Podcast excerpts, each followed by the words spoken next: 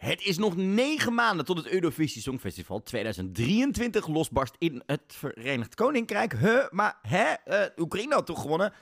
Het Songfestivalseizoen is helemaal al losgebarsten. En daarom is het nu tijd voor seizoen 5 alweer, aflevering 1 van Dingedong. De Nederlandse podcast over het Songfestival.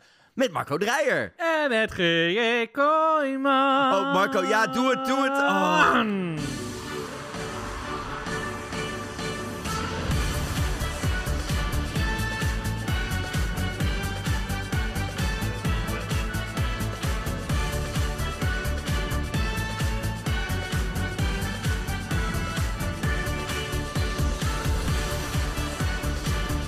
Ja, leuk dat je weer luistert naar Dingedong, de Nederlandse podcast over het Eurovisie Songfestival. Het is natuurlijk 1 september, wat betekent dat officieel het Songfestivaljaar weer is geopend. En dat betekent dat we er terug zijn met het vijfde seizoen alweer van de Nederlandse podcast over het Eurovisie Songfestival met Marco Dreyer. En G. Kooijman. Marco, we zijn er weer. We zijn er weer. We hebben er zin in. Ik heb er heel veel zin in. Ik ook. Ik heb, kijk, ik heb heel erg het idee alsof we een pauze hebben gehad aan de ene kant van, van heel erg vijf, vijf maanden lang. En als ik je heel lang niet.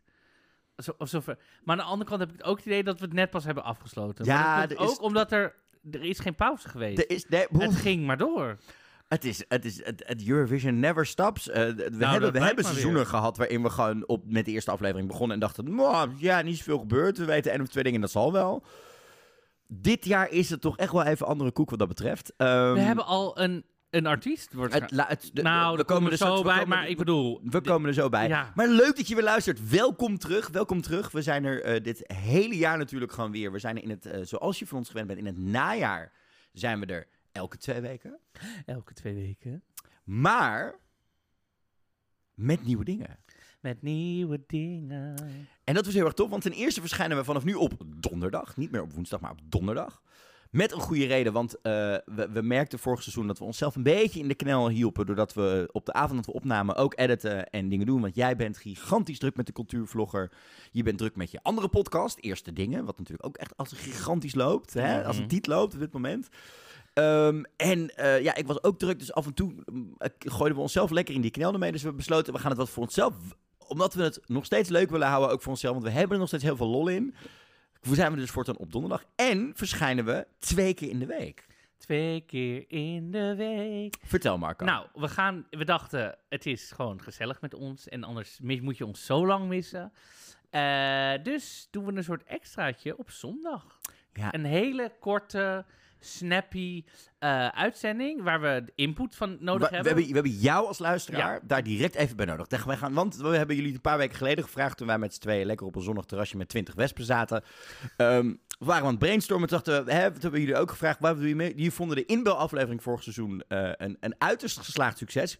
Die gaat terugkomen dit Ja. seizoen. Don't you worry. Misschien wel meerdere keren. Maar we dachten, hoe kunnen we jullie nou nog meer bij betrekken? Nou, dat doen we gaan met dat nieuwe dingetje wat we op zondag doen. Namelijk, wij willen weten van jou als luisteraar... Welk liedje had het Songfestival moeten winnen? We hebben allemaal van die liedjes dat je denkt... Ja, leuk, die winnaar. Maar in dat jaar had dat nummer moeten winnen. Ja, of gewoon soms heb je zo'n persoonlijke favoriet. Dat je denkt, ja, ik snap wel dat Alexander Rybak heeft gewonnen. Maar voor mij had het ook wel... Eén van de andere 40 nummers kunnen zijn, in mijn geval. Dat dan. Nee, maar en dan Ja. vragen we je om dat naar ons op te sturen in de DM. Liefst in een audioberichtje. Dus dan kunnen we het afspelen. Je Maar kan ook... Vind je dat eh, nou eng, kan je het altijd even typen, dan lezen we het zelf voor. Zeker. Je kan ons tegenwoordig ook DM'en op Instagram. Want we hebben hè, een at Songfestival podcast. Kun je gebruiken om de DM's heen te sturen tegenwoordig. Want die hebben we ook dit seizoen. Nieuwe Insta-handle erbij gekregen. Je kan ons mailen op info.songfestivalpodcast.nl En eh, mocht je nou denken, ja, dat met die voice messages op Insta, dat vind ik allemaal moeilijk. Stuur ons dan even een DM'tje, want dan laten we je weten via welk nummer je ook kan WhatsAppen naar ons. En dan kun je het op die manier kun je eh, ons even een ook. voice berichtje sturen. Het leuke is namelijk, wij Laat ons ook even weten als je ons mailt hierover. Zet het dan ook even in de titel van de e-mail. Of laat het ons even weten in de DM's. Want wij gaan die DM's niet lezen. Of niet luisteren of lezen. Wel dat het daarover gaat. Dus dat gaan ons niet lopen spammen. We vertrouwen jullie. Hè? Vertrouwensband hebben we denk ik wel opgebouwd. Maar we reageren daar dan live op. We gaan dan live het nummer luisteren. En dan gaan we ook live discussiëren of wij het ermee eens zijn, niet mee eens zijn, waarom wel en niet en dat. We zoeken even live op waar, wanneer, wat is het eigenlijk geëindigd. Daarom, eh, dat gaan we dus dan doen. team? Dus het stuur ons je pleidooi. Deze week verschijnt de eerste al, want een vaste luisteraar en vriend van de show, Tom, heeft er al eentje ingestuurd. Dus die verschijnt aanstaande zondag al. En dat gaan we dus eh, elke week, dat we een, ook een normale podcast doen. eh, dus eh, dit najaar, elke eh, twee weken, komt hij er ook nog aan. Wat super lachen is. Bonus! Bonus. In en de bonus. we gaan nog iets tofs doen, want ja, jullie wilden graag een live uitzending. Nou, die ga je krijgen ook eerder dan verwacht. Namelijk op 2 oktober, hou de middag even vrij. We gaan eh, aan iets heel speciaals meedoen. En dan gaan we een eh, live podcast opnemen eh, vanuit Dingen Doen. Wordt super gezellig, wordt super leuk. Over twee weken in de uitzending meer. En ook via onze Instagram en zo krijg je er veel meer over te horen de komende week. Maar hou hem dus even vrij. Je kan er gratis bij zijn. Het is in het midden van het land. Super gezellig. 2 oktober. 2 oktober. Zondag 2 oktober. Zondag, zondag 2 oktober. En mocht je deze podcast natuurlijk tof vinden, hè, laat het ons, eh, vergeet ons niet even een rating te geven op ehm, Apple Podcasts, op Spotify kan het. Ehm, deel het aan je Waar je stories. ook maar of luistert. het- het- het- zit je op Songfestival Fora. Laat mensen het weten dat we er zijn, want we zijn er het, hele seizoen weer bij. Ik heb alweer tegen een aantal mensen gezegd, het Songfestival seizoen is weer begonnen. Begonnen. En iedereen kijkt me nog steeds heel raar aan. Dan zeg ik, nee, we weten het. Dus vertel het tegen je zus, je moeder, je kapper. Het is weer begonnen. Het is weer begonnen en vanaf nu gaan we er ook echt weer volop induiken. Ehm goed om te weten, deze week bespreken we gigantisch veel nieuwtjes, maar nog niet de nationale finales. Eh, want daar komt ook heel veel nieuws natuurlijk over naar buiten, wie, wanneer en hoe en wat. Dat doen we over twee weken, want anders wordt deze uitzending wel heel Ja, we moeten even warm worden. Even heet. eh, Nou, geloof me, er is genoeg hete thee deze week en ge- genoeg drama en alles te ik heb bespreken. mijn hete thee weer hier. eh, Die hebben we. Ja, eh, het, het, het, het- goed voor je om te weten. Ja, er komt een Drama Queen jingletje. I'm your Drama Queen tonight. Zijn we nog even... eh, Die komt dus over twee weken is die klaar. Deze week hadden we hem al vaak genoeg kunnen inzetten. Daarom wilden we... Maar hij is er nog wel. En nou, laten we het nu het over die schat hebben, onze oers. Ehm, dan moeten we het maar eens gaan Jij hebt met hem gechilled deze zomer. Ja, want hoe is het met ons eigenlijk? Daar kom je zo op terug. nou eh, ja, het ik was- het begin was- maar met je oersverhaal. Oh, nou, ja, ten eerste Begin met je met mijn oersverhaal. oersverhaal. Nou, het, ja, oeh, moeilijke meid hoor. Kan ik, je, ik, ik, had, ik had ruzie met hem. Uiteindelijk is het goed gekomen, dit is spoiler. Ehm, het- hij stond namelijk op de, de, de Pride Amsterdam, eh, op het slotfeest. Hè, en daar stond de dag voor op de boot van Autovies, samen met de Sunstroke Project en Christa Siegfried. Laten we zeggen dat hij het heel gezellig had tijdens Pride en daarom misschien iets te laat en met een iets te grote kaart erbij de rep- de repetities aan kwam zetten. En ik was natuurlijk stage manager. Toen dacht ik, ja, hoofdvriendin, alles leuk en aardig, maar zo doen we dit niet hè, met z'n tweeën, met z'n dingen. S'nachts vissen, overdag net drogen. Oh, mijn oma zei gewoon bij nacht een man, bij dag een man. Ja, maar dat is weer zo binair allemaal. In het geval gaat het over een man. Ja, dat weet jij niet. Ach, het kan als flexibel. Je weet het niet. Anyhow, eh, uiteindelijk was hij s'avonds ontzettend professional, ontzettend gezellig. Ook nog heel lekker op de foto gegaan. Hij had het ontzettend naar zijn zin. eh, eh, was heel erg blij met hem. En de Sunstroke Project was er ook bij. En wat zijn dat toch leuke kerels om mee te werken. Wat ben ik daar blij van. Wat zijn die bloedgezellig. Hey, ik heb zelfs nog met hun het Hey Mama dansje staan doen tijdens de soundcheck. Dat was echt super gezellig. Heel leuk. Ja, en hoe het voor de rest met me is... eh, Ja, je hebt zoveel gewerkt. Ook ik heb jou op elk feest zien werken, draaien, weet ik veel. Het was een drukke zomer. Ehm, ehm, ik ben onder andere ook nog naar Londen geweest. Wat een hele fijne trip was, waarin ik ehm, en naar Hamilton ben geweest, eh, de musical, en naar Six the Musical ben geweest. En ik ben eh, ook nog naar eh, Pride geweest. En toen ben ik ook nog naar Adele geweest. En naar ABBA geweest. Ja, daar wacht ik op, Abba. Oh mijn god. Hoe was dat? ah, dit is, oh mijn god. Eh, Oké, dit is Al die dus andere dingen is prima. Of, of in Nee, het, in nee, het er kader van er Songfestival er moet er ik is heel veel gebeurd er in, in, in Londen. eh, dat zou een podcast op zich zijn. Maar ABBA Voyage. Wauw. Ehm, ik ging daarheen met hoge verwachtingen. Ik ben fan van ABBA. Ik weet wat voor technieken erin zitten. Ik ben fan van Industrial Light and Magic. Het bedrijf wat die digitale avat- avatars gemaakt heeft. Wie, wie was jij vroeger altijd toen je dit nadeed? Ehm, ik weet niet wie ik van... De, ik, ik had bij ABBA niet dat ik dacht, oh die. Nee, bij de, is altijd de zo'n Spice Girls. Girls vraag wie ben je, maar bij Wie was ABBA- jij? Wie was jij bij de Spice Girls? Raad maar. Jij was Scary Spice. Nee. Baby Spice? Porsche. Oh, ik was Mel C, want die had alle uithalen. Die deed alle adlibs aan het einde. Ja, meid. Ik, was ik vind Victoria Beckham nog steeds... Ik vind haar zo grappig, echt al. Love her. Do you want the little Gucci dress or the little Gucci dress? Oh. Anyhow, ABBA Voyage. Ga erheen, Ja. ga het zien. Het is een, een, een onvoorstelbare ervaring. Ehm, het, het, het, het, is, het is zo gaaf dat je... Maar is dit, is dit, kan ik dit een beetje vergelijken met, met een soort, nou niet qua, qua dingen, maar qua sfeer met de toppers? Want ik zie ook allemaal mensen verkleed en meezingen, helemaal zo... Nee. Oké. Eh, Ja en, sfeer, ja dus en nee. Ja energie, en, ja zeg en nee. Er hangt echt een energie in dat theater. Het is, het is een, een speciaal gebouwd theater hiervoor. Mhm. Vanaf het moment dat je eigenlijk de foyer binnenloopt. Je hebt nergens het idee dat je lang staat te wachten terwijl je er toch met 3000 man bent. Dan ga je een soort speciale gangen in richting de zaal. Waar je allemaal afgebroken ehm, elementen uit ABBA-nummers hoort. Die door elkaar gemixt zijn. Die een soort heel verwarrend gevoel geven met licht doorheen. Wat een heel gaaf gevoel geeft. Dan kom je in dat theater en geloof me, een minuut nadat de show begonnen is, vergeet je dat het digitaal is. Je staat bij een ABBA-concert. Het komt ook door die tienkoppige liveband die meespeelt.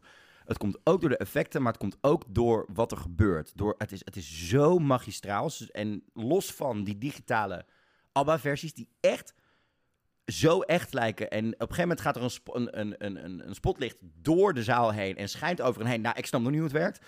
Maar daarnaast voelt het echt als een concert. Want eh, het begint ook met twee, drie ABBA-nummers die denk ik niet iedereen kent. Dus het is echt een setlist. Ze praten tussen de nummers door. Ze kleden zich om. Daar worden ook grapjes over gemaakt dat ze digitaal zijn, maar toch ook een, een, een costume change hebben. Ehm, en het is, het is, er hangt een energie in die ruimte. Het tofste is ook, er is namelijk ehm, eh, is een tribune waar je kunt zitten, maar er is ook een dansvloer waar iedereen staat. Die wordt maar tot 80% gevuld, zodat het ook echt kan voelen als een dansvloer. En dat was het ook, want ik ging dus tijdens het Pride Weekend. Ja, dat was al een dingetje. En vervolgens staan er links van mij staan er drie gepensioneerde stellen. Voor me stonden vier jonge meiden, inderdaad in ABBA-outfits. En rechts van mij stond een stel queer jongens. Nou, dat was gewoon, we waren met z'n allen aan het feesten en het zingen en, en aan het meedansen en aan het doen. Eh Shout-out trouwens aan die eh, gay boys rechts van mij, die gewoon tijdens eh, Lay Your Love On Me, dat is een nummer waar allemaal lasers in zitten in deze voorstelling, in dit concert, allemaal de poppers erbij pakten. Toen dacht ik, oh, het is echt Pride in Londen bij ABBA. Oh my god. Love it. En doen ze dan ook wat, gewoon die nieuwe nummers, een paar van, van hun? Zitten er ook tussen, maar, ook wat ouder werk. En die projecties zijn, dan zijn ze jong. Ja. Is dat niet gek? Want ze Nee. zingen nummers, terwijl ze jong Nee. doen die nummers nog niet... Nee. Nee, het, het klopt allemaal. En er zitten ook, maar los van die projecties zitten er ook andere effecten gewoon in die show. Waarvan je denkt, wauw, dit heb ik nog nooit bij een concert gezien. Zelfs als iemand live op het podium zag staan, zitten er effecten en dingen in. En het is echt een geweldige ervaring. Is dit de toekomst van... Dit is de toekomst van concerten. Ja, Ja. zeker. En het tofste is, dat weet ik dan toevallig, ze hebben nog meer nummers opgenomen met ABBA. Dus de setlist kan ook gaan veranderen in de komende jaren. Maar geloof me, als je in Londen bent, blijf, eh, check vooral Ticketmaster. Want eh, de, officiële, zij zijn officiële ticketpartner. Als je dus ook via daar eh, verkoopt iedereen zijn tickets weer. En dan krijg je dus een nieuwe barcode. Wat dus betekent dat je een officieel ticket koopt en krijg je hem voor de normale prijs. En dat is echt, dat heb ik ook gedaan. Het is geweldig. Het is, je moet erheen. Dit is, ja, dus dat was een beetje een van mijn hoogtepunten van de zomer. Leuke, veel hele toffe dingen gedaan met Pride onder andere. Hè. Ik mocht een panel hosten met onder andere ehm, Stevie Stunner, Alice, Kirimiyoki en eh, Miss Cartier van Reg- Regulus Records. Die avond heb jij je idool Bimini Bamboula, als je het mogen ontmoeten. Bimini, die avond was zo leuk. Los van ontmoet van Bimini was die avond echt. Die Was- panel was goed. Die feest, dat feestavond was super was heel top. Dus, Ik was eh, die middag al helemaal dronken. Van, dus het was helemaal... dat, lang leven een drag brunch bij de, Oh bij de, bij de Doubletree. God, Bij de Doubletree. Nee, dus het was een lekkere zomer. Ik heb heel veel leuke dingen mogen doen. Ehm, ehm, op het moment dat deze podcast uitkomt, is het al gebeurd. Vandaag moet het nog gebeuren. Maar misschien dat ik morgen eh, zelfs op het podium sta in het oosten van het land. Met misschien wel de Songfestival inzending voor volgend jaar. Maar daar komen we later even terug. En voor de rest, ja, het gaat lekker met me. Ik ben eh, leuke dingen aan het doen. Ben een beetje om me heen aan het kijken wat ik qua werk wil het komende jaar. Eh zit een stuk beter in mijn vel. Ik bedoel, eh, heel veel mensen die me ook deze zomer spraken en luisteraars van de podcast, die zeiden, die waren heel blij met hoe open wij allebei waren over onze mentale gezondheid het afgelopen half jaar. Eh, waar ik natuurlijk ook genoeg over gezegd en gedaan heb. Maar ik voel me gewoon ontzettend lekker in mijn vel. Je hebt natuurlijk een bepaald gedeelte afgesloten. Ja, dat eh, zeker. En zes maanden later eh, kan ik mijn leven niet meer voorstellen zoals het toen was. En aan de andere kant ben ik er ook gigantisch blij mee. Dus ja, eh, living, living life, loving life. Eh, maar ik haat nog steeds zenuwsportjes. Dus wat dat betreft, love it. Live, live, live. En af en toe vijf minuutjes pompen. Oh my god. Dit is echt mijn favoriete. Oh eh, dit God, was niet de speld, maar dit was een ander. Die hadden dus allemaal eh, bordjes gemaakt. Zeg maar die Live Love Life bordjes, maar dan echt. En mijn favoriet was dus, die hing dus boven een bed. Live Love Life en, af en toe vijf minuutjes pompen. Nou, Oh hou op God. met me. Hoe is het met jou, Marco Dreyer? Ehm, ja, ik heb niet echt het idee. Ik, ik bedoel, ik heb zomer gehad, maar ik heb niet het idee dat ik enige vakantie heb gehad, geloof ik. Hoezo? Jij bent een week hysterisch naar een nudistencamping geweest. Ja, maar was ook voor werk. Maar ik het was was... wel vakantie. Ja, maar ik heb Met je wel... billen bloot en een kokosnoot. Ja, precies. Kan dat nog? Kan dat liedje nog in Met je 2022? billen... Maar waarom? Je kan nog wel met je billen bloot in een kokos. Ja, weet ik niet. Dus of, het, luister, het, alles, Met van, alles van vroeger wordt gecanceld. Dus ik dacht, kokosnoot. Je wordt vanzelf rood op een onbewoond... Nee, je kan gewoon op een onbewoond ik eiland. vind, ik vind echt wel een racistische verwerking ergens in dat... We gaan kinderen voor kinderen cancelen. Ehm, dus nee, dus, maar ik ben wel in Frankrijk geweest voor een eh, nudist, nudistencamping. Eh ik heb sinds deze zomer een management en een assistent. Wat kl- klinkt heel... Ik ben het niet, even voor de is- duidelijkheid. Dus je hoeft Wel- mij niet te gaan... De... België als je een afspraak met me wil. Nee, nee, nee. Dan Dus- zeg ik namelijk, nee, hij kan niet. Dus, eh, dus dat geeft heel veel ruimte, wat meer. En ehm, ja, ik heb, ben, dus daar ben ik eigenlijk gewoon eh, nog druk met, met eh, werken. Het culturele seizoen is weer begonnen. Cultureel seizoen is weer begonnen. Heb met de Cultuurvlogger een podcast gelanceerd. Wat kijk je nou? Eh, waar ik met verschillende makers praat, wat heel leuk is. Ik heb, zoals je net zei, nog een andere podcast gelanceerd... die een beetje helemaal wild ging na de eerste twee afleveringen meteen. Eerste dingen met Eerste Mignon. dingen met Mignon Nusseling. En ehm, Die is trouwens hysterisch, want jullie praten daar dus over dingen die je of voor het eerst gedaan hebt, of voor het eerst gaan gaat doen. Ja, dus het idee is dat heel veel mensen een soort social anxiety hebben om heel veel dingen te gaan proberen of Ja. dingen niet doen. Dus het grootste voorbeeld wat je kan nemen altijd is dat je naar de mensen gaan niet naar de sauna, want naakt, hoe gedra, weet je, gewoon al die. En wij gaan dan gewoon uitleggen waarom je, waarom je het wel moet doen of hoe moet je je gedragen. proberen, en je vragen input. Ja. Dus we, we, we hebben de hand, afleveringen over kunst kopen. Oké, hoe moet dat? Op hakken lopen. Waarom doe je het wel niet? We hebben nu een aflevering opgenomen turf straps nemen. We hebben een aflevering... Nou, we hebben ook bijvoorbeeld... Oh, dus jij moest aan Mignon vragen hoe dat moest, want jij doet dat nooit. Ehm, Volg eh, Marco even op Marco als echte millennials- Ja. als echte millennials hebben we een aflevering opgenomen. Hoe maak je TikToks? Nee. Hoe je, een, hoe je boodschappen moet doen voor een hele week. Want dat kunnen millennials niet. Ik ook niet. Nee, dit was letterlijk een van de meest aangevraagd van hoe doe je boodschappen voor... Dus we doen... Ja, maar ho, wacht, dan ga ik hier gelijk even op inhaken. Want dit is dus, dit, ik zag dit.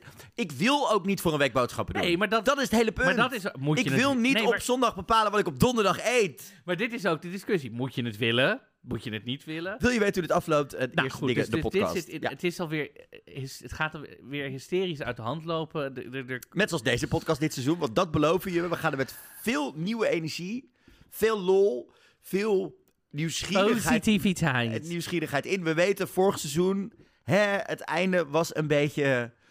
We zaten er allebei doorheen. En uiteindelijk denk ik, als ik ook... De grap is dat ik wat andere podcasts van andere mensen terugluister. Niet over het Songfestival. Maar iedereen zat in diezelfde soort... Omdat het een soort whiplash was. Vanwege die coronapandemie. In één keer moest en mocht en kon alles weer. Ik zat echt tegen een burn-out aan. Ja, hoor. nou, ik Tegen ook. een- ik ook. Ik, ben eh, oprecht in therapie geweest. Ook vanwege mijn burn-out en eh, andere dingen en alles erop en eraan. Mijn weken mijn bed niet uit geweest. Het enige wat ik van mijn bed uitkwam was de podcast. En Dat, Ja. Dus dat zul je ook wel gehoord hebben. Ja, en ik heb gewoon... Ik heb nu dus mensen aangenomen die me gaan ondersteunen. Dus dat komt... Het, maar het komt helemaal goed. Maar we gaan weer beginnen, Marco. Heb je er We zin gaan in? weer beginnen. Ik heb zo een zin in eh, dit seizoen. Ik heb zin in het nieuws. Ik heb zin in de muziek om te gaan be- bedenken wie gaan we als Nederland sturen. Ik heb helemaal zin in alles. Ik heb de hele zomer kunnen doen met de nieuwe muziek van Blas Canto en Emma Muscat. Gaan we dit seizoen Wie? weer hebben over Blas Canto? Zeker wel. Maar moeten we het dan ook over Emma Muscat gaan hebben? Want Nou ja, daar zit wel dan als- niet helemaal op te wachten nee, maar seizoen. samen als de muziek maken, dan ga ik het Ik daar... ik had toch gehoopt dat we haar met die, met die, samen met die defecte zon lekker in Turijn op dat gasvat hadden kunnen laten liggen. Ja, maar het is seizoen 5 en we gaan het weer over Blas Canto hebben, want ik heb het nog steeds niet losgelaten. Ja, en dat is dus ook even goed om te weten. We hebben ons dus een, aantal doelen gesteld eh, twee weken geleden toen wij eh, met elkaar zaten. We Een van de doelen is, wij willen dus naar Benidormfest. Ik wilde om een podcast maken. Marco wilde heen om een week lang andere content op te nemen met Blaskanto. Content. Maar ik heb hem gewoon nog steeds niet gesproken. En dat, is nog, dat gaat nog een keer gebeuren, dames en heren. Jullie hebben geen idee. En al is het tot ik in een bejaardentehuis zit in 2084, interesseert me niet. Het gaat gebeuren. .nl. En ik ben er dan live bij als Marco. Marco Dreyer wordt afgewezen door I Blaskanto. don't care. Maar zoals je het weet, iedereen onder de Pyreneeën moet op de knieën voor Marco Dreyer. Goed hè? Ja, de goede woordgrappen zitten er ook weer. in. Hoe gaan we het vandaag aanpakken? Goed om te weten, we gaan eh, flink wat nieuwtjes bespreken. Ook het Junior Songfestival gaan we dit seizoen weer volgen. Ehm, dus dat wordt ook heel tof. We beginnen met wat nieuwtjes, die, wat losse nieuwtjes, hè, van links naar rechts, naar boven naar achter. Dan gaan we natuurlijk het Junior even bespreken. Eh, de liedjes voor eh, Nederland zijn uit die meedoen. Die gaan we vandaag live gaan we erop reageren. We hebben ze allebei nog niet gehoord. Nee, ik heb echt geen idee. Wordt spannend. Ehm, dan spelen we natuurlijk ook dit seizoen weer Is het lang geleden? We gaan er weer een poging wagen. Ook wederom hiervoor eh, op GJ Kooijman en Marco Dreyer op Facebook, Twitter of Instagram. Deel ons even tips als je denkt deze plaat is leuk om te doen. Stuur dat niet naar Dingedoncast of naar het Songfestival podcast op Instagram, want die lezen we allebei. Dat is niet zo heel handig. Private. Is niet zo heel handig. Daarna gaan we eh, in het tweede deel van deze aflevering gaan we nou eens kijken wat is er nou allemaal gebeurd deze zomer als het gaat om waar het Songfestival is? En eerste kandidaten zijn al bekend en dat soort dingen. En wat is er nou voor de rest deze zomer allemaal chaos gebeurd? En hoe zijn we nou gekomen tot het punt waar we vandaag staan? Trouwens, leuk feitje is, Marco. Vandaag dat we opnemen is het drie jaar geleden sinds Maastricht versus Rotterdam. Bekendmaking. Wauw. Dus zeg maar uh, deadline gate. Ja, de, de twee minuten te laat. Twee minuten te vroeg uh, werd Maastricht al bekendgemaakt en dat soort dingen. Nou, dus dat gaan we allemaal vandaag doen. En dan hebben we daarna gaan we nog even kijken, hè, een beetje de, opzet voor dit seizoen. Wat verwachten we nou van dit Songfestivaljaar? En dan hebben we ook juli, um, uh, dankzij Instagram Stories, uh, juli verwachtingen bijgezet. En dan eindigen we met een beetje Brits. Want dit seizoen gaan we natuurlijk naar het Verenigd Koninkrijk. Dus vorig jaar was het een snufje Italiaans. Dit jaar wordt het een beetje Brits. Nou, geloof me, aan de jingle alleen al wordt dit een hysterisch dingetje. We gaan het wel iets anders insteken dit seizoen. Want zodra wij ergens deze herfst, komen we straks op terug, weten welke stad het wordt, gaan we veel meer kijken naar, stel je voor je gaat erheen volgend jaar.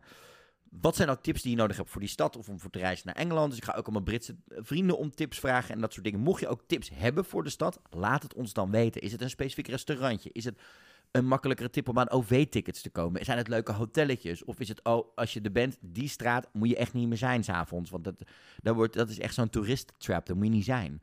Laat het ons dan weten. Dus dat uh, gaan we dit seizoen in een beetje Brits. Dus uh, ik zeg, Marco, zullen we gewoon gelijk beginnen aan die nieuwtjes? Nieuws, ja.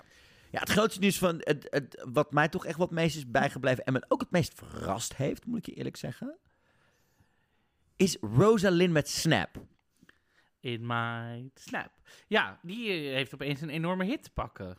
Als in een soort opeens. Maar echt opeens. Het, het, nou, het, het, het, het, begon eind juli een beetje. Of mid juli begon ze in één keer in, in Zuid-Amerika. Uh, um, nog voordat het op TikTok een hit werd, begon het daar op Spotify heel erg te groeien. Toen werd het op TikTok werd het een viral dingetje. En toen ging ze de hele wereld over. En het blijft maar groeien en maar doen. En ik moet je eerlijk zeggen, voordat we even de details gaan bespreken, ik word hier heel blij van. Ook een beetje voor mezelf. Want ik liep natuurlijk in Turijn en de weken daarvoor al, dit gaat het goed doen. Dit wordt een dingetje. Zij gaat echt scoren. Dat deed ze niet tijdens het Songfestival, maar het feit dat zij nu zo'n hit scoort... en dat ik dus wederom... Ik heb hetzelfde als dat ik dus uh, wel eerder gehad op Lisa het Songfestival...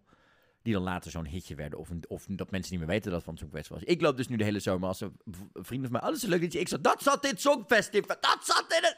Het voelt toch een beetje van ons dan. Wat nu met de hele wereld gedeeld wordt. Dat je denkt, dit zat gewoon in het Songfestival. Oh, nu vinden we het wel leuk.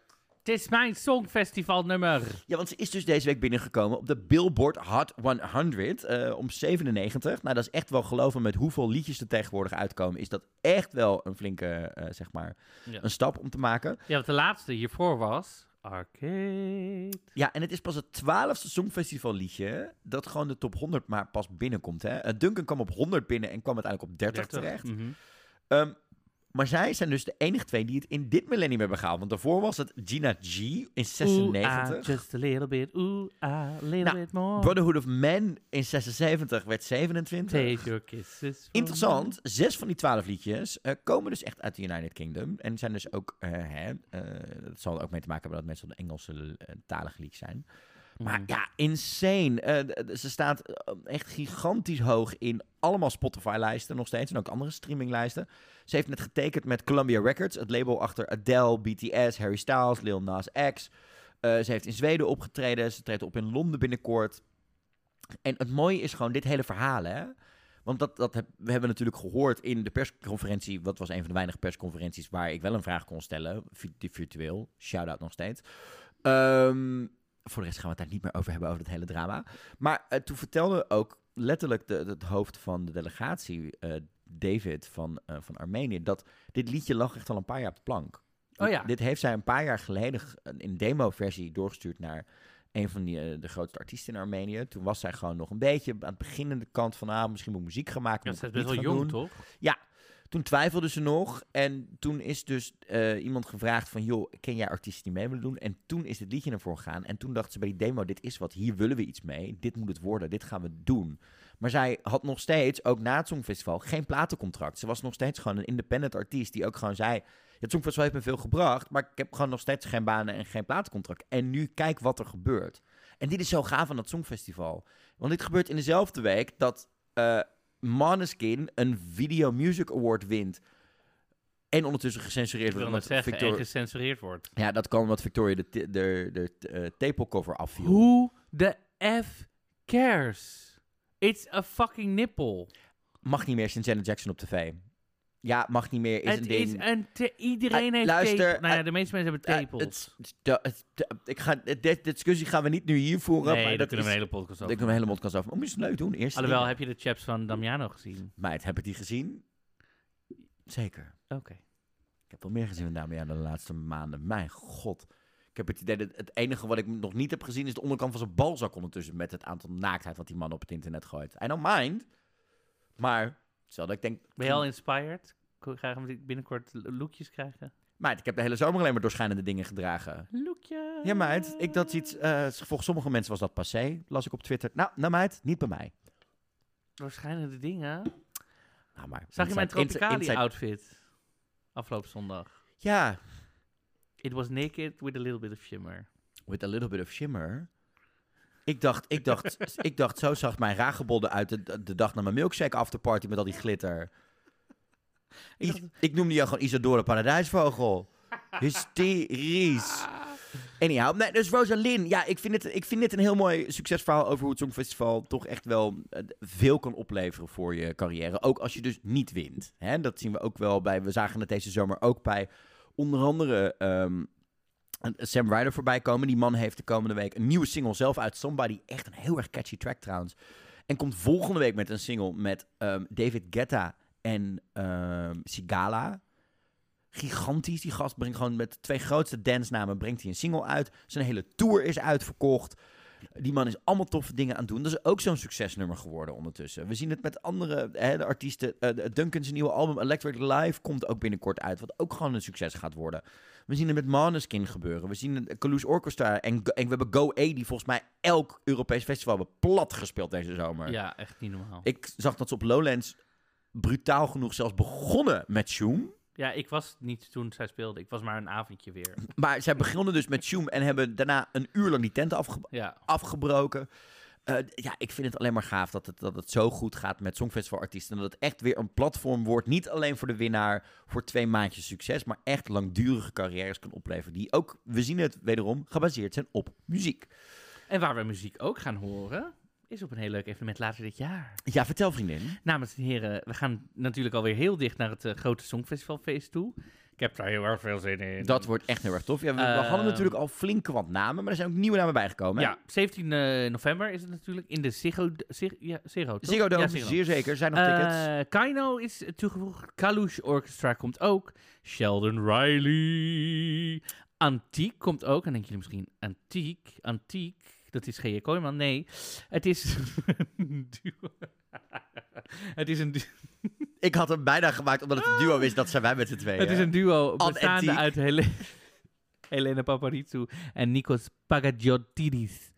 Eh, en, eh, dus ehm, ja, Wat een heerlijke Griekse tongval heb jij. Nee. Geoefend deze zomer. Nee, ehm nou, dus het is allemaal feestelijke, gezellige... Ja, maar het, het, zij deden natuurlijk mee hè, in 2001 met het liedje, eh, eh, toen werden ze derde met Dive. Die For You. Maar Elena Paparizou kennen we natuurlijk als winnares met... Is wat is dit voor... Ik, eh, ik hoop dat jij je kennis paraat hebt. Ik weet welk, nummer ze gewonnen heeft, Marco Dreyer. Nee, we doen nog niet... Met welk we nummer heeft Helena... Nee, niet opzoeken. Heeft Helena Paparizou het Songfestival gewonnen? Kom op, Marco. Dit is een gay classic. Is dit Come On and Shake Me? Nee, toch? Dat is een ander nummer. Nee. Dat is een ander Ze zat ook nog eens een keer in die medley. Number one. Goed zo. Ja, in Rotterdam. er. Met die, al die dansende the op het dak. You're my number one. Je Oh, hoort het alweer. Dit is het seizoen waarin Marco nog steeds meezingt met elke titel die G.J. Kooijman noemt. Dat bedoel ik. Eh, maar die komen dus ook erbij. Ehm, ik hoop dat Helena... eh, het leuke was namelijk... Die wilde namelijk vorige keer, vorige editie komen. Ehm, alleen toen waren er een keer opnames van The Voice Griekenland. En toen kon ze niet. Dat is dus een leuk eh, hysterisch filmpje voor opgenomen. Wie komen er voor de rest nog meer? Wij. Iemand waar ik het niet over wil hebben. Alexander Gibak. Carola komt, Effendi komt, Frissel Sissel, Gjon Steers, Go A, eh, de Harrys komen. Jamala is erbij, John Logan is erbij, Lenny Koer is er ook nog bij, Lordi, Lorraine, Michael Schulte, Netta, Ogene, Sandra Kim, Senit, Stefania, Subwoofer, The Roop en Tix. En er komen, zover ik weet, nog twee namen bij. Marco Dreyer en G. Kooijman. Nou, ik hoop stiekem toch wel op Sam Ryder. Mhm. En Chanel. Nou, ja, oeh, over Chanel gesproken, doen we even een beetje de hete thee tussendoor. Die meid is een beetje naar zijn schoenen gaan lopen, hoor, na deze Oh? zomer. Ja. Ik weet van ehm, eh, verschillende bronnen dat zij op verschillende dingen gevraagd was om op te treden. En toen zei ze, nee, ja, ook in Spanje. En ze zei, ja, nee, mm, ik kan wel een appearance doen. Dan doe ik gewoon zeg maar het hoofd een beetje zo, het, het refreintje gezellig en even hoi, zwaai, leuk, gezellig, beeldig zijn. Maar dat heeft er ook mee te maken dat zij natuurlijk volgens mij heel druk is met de carrière daarnaast. Maar ook die dansers niet vastgelegd had voor de zomer qua contracten. Dus die moesten ook allemaal tours doen en dat soort dingen. En die, wat we trouwens echt hysterisch worden. Die dansers zijn echt een soort celebrities, hun eigen ding geworden. Die staan allemaal in de roddelbladen daar en in de media. En eh, er was een lanceer ehm, persconferentie voor een Benidorm Fest voor de komende zomer. Daar waren zij ook bij en werden ze apart geïnterviewd en gedaan. Het is echt een soort... Een, een, zij zijn echt met z'n allen... Ze zijn publiek domein. Ja. Dat is wat je zegt. En dat zie je soms ook aan de thirststraps die ze eruit knallen. Waar Marco dan weer volgens mij de hele zomer blij van is geworden. En allemaal op A3-formaat heeft laten uitprinten. Ah, Prima. Anyhow, dus het Groot Songfestivalfeest 17 november. Er zijn nog tickets. Dit wil je echt niet gaan missen. Wees erbij. Wij zijn er natuurlijk ook bij. Wordt één groot feest. Ik heb er zo'n zin in. Waar is de meeting point voor alle dingen doen luisteraars? Links vooraan bij de speaker. Net zoals bij Lowlands. Ik ben nog nooit op Lowlands geweest. Maar ik ga het kamperen. Je Anyhow. kan ook glamperen geven. nee, ik wil niet glamperen. Er ik is wil er gewoon een hot tub. Ik wil dat is gewoon- bungalow park. Dat kan ook. Want dan heb je gewoon een dichte kamer, zeg maar, dan, hè, die gewoon dicht kan. Dan, heb ik, dan kun je gewoon rustig ook? slapen. Ja, maar dat prima, maar dat is gewoon duur en gedoe. En de mensen willen, dan moet je weer vijf vrienden erbij zoeken, waarvan je dan altijd moet afvragen. Ja, maar ga je dan heel hard lopen afteren s'nachts of niet? En hoe ben jij dan ochtends? En ben je dan wel te vertrouwen met dat als we maar twee sleutels van het huis hebben, dat ik je ergens terug kan vinden? Ik wil me niet mijn vrienden zo helemaal analyseren. Rot op, ik wil gewoon het liefst gewoon een huisje voor z'n tweeën. Dat bestaat ook hoor. Niet op dat bungalowpark. Heb je dat bungalowpark wel eens gezien? Van Walibi. Ja, dat winkelbungalowpark van Walibi is net zo slecht als de Condor. En de Condor is ook dicht sinds deze week. maar voor we het hier, we willen hier een pretparkpodcast van gaan maken. Ik wil net zeggen, dit is opeens weer een soort sideshow van alles nog wat. Luister. Anyhow, weet je, was ook slecht nieuws deze zomer. En we moeten hier dan... Ja... Wat voor slecht nieuws. Oké, we hebben het hier vorig seizoen vaak genoeg over gehad. Ik denk dat hier, we hier ook genoeg over hebben gezegd. En dat eh, we het kort en beknopt kunnen houden. Want veel van onze luisteraars hier al weten hoe wij hierin staan. Vooral ik. Maar zeg, wa- zeg eerst even waar het over gaat. Maar we zijn er sinds deze week achter dat de pre-recorded backing vocals ook dit jaar weer mogen tijdens het Songfestival. De EBU heeft namelijk de, een nieuwe website er online gegooid, want eh, ze zijn helemaal in de, de restyle gegaan. Een nieuwe website die eruit ziet als een soort eh ehm, ja, student, graphic design My First WordPress. Ik vind het er niet op vooruit gegaan persoonlijk. Same, ik ook niet. Ehm, ze zijn ook qua vormgeving en andere dingen dat ik denk, oh mijn god, het is echt, het is echt je vers gescheiden hetero-oom die weer hip met de kids probeert te zijn. Just don't do it. Het is een beetje cringe aan het worden. Maar ja, hè, ze moeten wat nu ze die TikTok-deal nog steeds hebben en in Chinese handen zijn gevallen. eh, voelt het wel een beetje af en toe. Maar er zijn nu, de verkorte regels zijn uit. Want er zijn natuurlijk een aantal meetings geweest ook deze zomer tussen een aantal delegaties. Hè, want we gaan weer opstarten. Dus die regels staan er nu in dat geen ehm, eh, no contest onstage contestant, whether lead vocals, lead dubs or backing vocals, shall be allowed to lip sync in such a way to make it appear that they are singing all or most of the song when they are actually not. Maar er mag dus wel backing track zijn. Er mogen dus wel achtergrondzang of andere zang die niet de lead vocalen bevat Mhm. of een lead dub. En wat een lead dub is, is dat je eigenlijk... ehm, stel je voor, Marco, jij zou eh, een, een, meedoen voor Andorra dit jaar. Dan zou jij live, Daar zou jij niet over hebben. live zingen. Nee, Ja. daarom dacht ik, als we het nu eens gewoon als noemen, dan denkt niemand dat het zo is. Ehm, dan kun je niet nog een tweede keer diezelfde zangpartij op band zetten, waardoor je dubbel zo sterk zou klinken. Mhm. Zeg maar, we noemen het ook wel Pia Maria syndroom. Sinds dit jaar. Oi boy. Weet je dat nog? Pia Maria. Geen idee. Pia Maria. is toch een drankje? Nee, dat is een Tia Maria. Dat kreeg ik ervan als ik haar live hoorde zingen daar. Nee, maar dus, je, maar- dus je mag backing vocals doen, maar het mag niet klinken als lead vocals. Nee. Je mag niet, niemand op het podium mag doen alsof ze zingen terwijl ze niet kunnen zingen. Nee. Dus je mag ook niet mensen in de backroom laten zingen alsof ze de lead zingen. Dat jij op het podium alleen maar je mond Dat- open en dicht doet. Mag ook allemaal niet. Maar wat er dus wel mag dit jaar zijn is... backing vocals. zijn- Ondersteunende. Ja, maar wat daar dus ook nog een keer mag, is dus het misleidende waar we het en in het einde van het seizoen, en dat we terug waren uiteindelijk over gehad hebben, bijvoorbeeld wat we bij de Rasmus zagen. Met dat ze deden alsof het hele publiek Ja. iets terugschreeuwde en dat soort dingen. Dat is hier dus niet in afgekat, wat ik wel gehoopt had. Dus dat vond ik jammer. Ehm, ja, ik ah, blijf erbij. Ik snap dat ze dit doen, want eh, eh, eh, aan de ene kant denk ik dat de EBU wil gewoon meer show hebben. Dus als je vasthoudt aan de zes mensen regel op podium, dan zagen we dat veel meer ehm, eh, delegaties de dansers meenamen? Of, of ondersteunende performers meenamen. Waardoor de, de show sexier wordt, zeg maar, om naar te kijken. Dus ik denk dat dat een belangrijk onderdeel is. Het kwam ook op Twitter vaak terug van... oh, ze zijn veel meer bezig met hoe maken we de beste tv-show. Maar ik vind wel, en dat vond ik ook wat veel mensen zeiden... het maakt de wedstrijd wel steeds oneerlijker. Dat live element van al je backing vocals moeten live zijn... waarin je dus als artiest ook moet kunnen werken met je achtergrondkoortje... wat live meezingt en in je oor zingt... en misschien soms even er misschien zelf naast zit als achtergrondkoortje... waardoor jij echt je timing en je focus moet houden... Vind ik jammer. Hoe sta jij daarin? Ehm, ik denk wel een beetje hetzelfde als jij. Het, haalt gewoon iets weg van de muzikaliteit van, de, van het Songfestival. Wat ik jammer vind.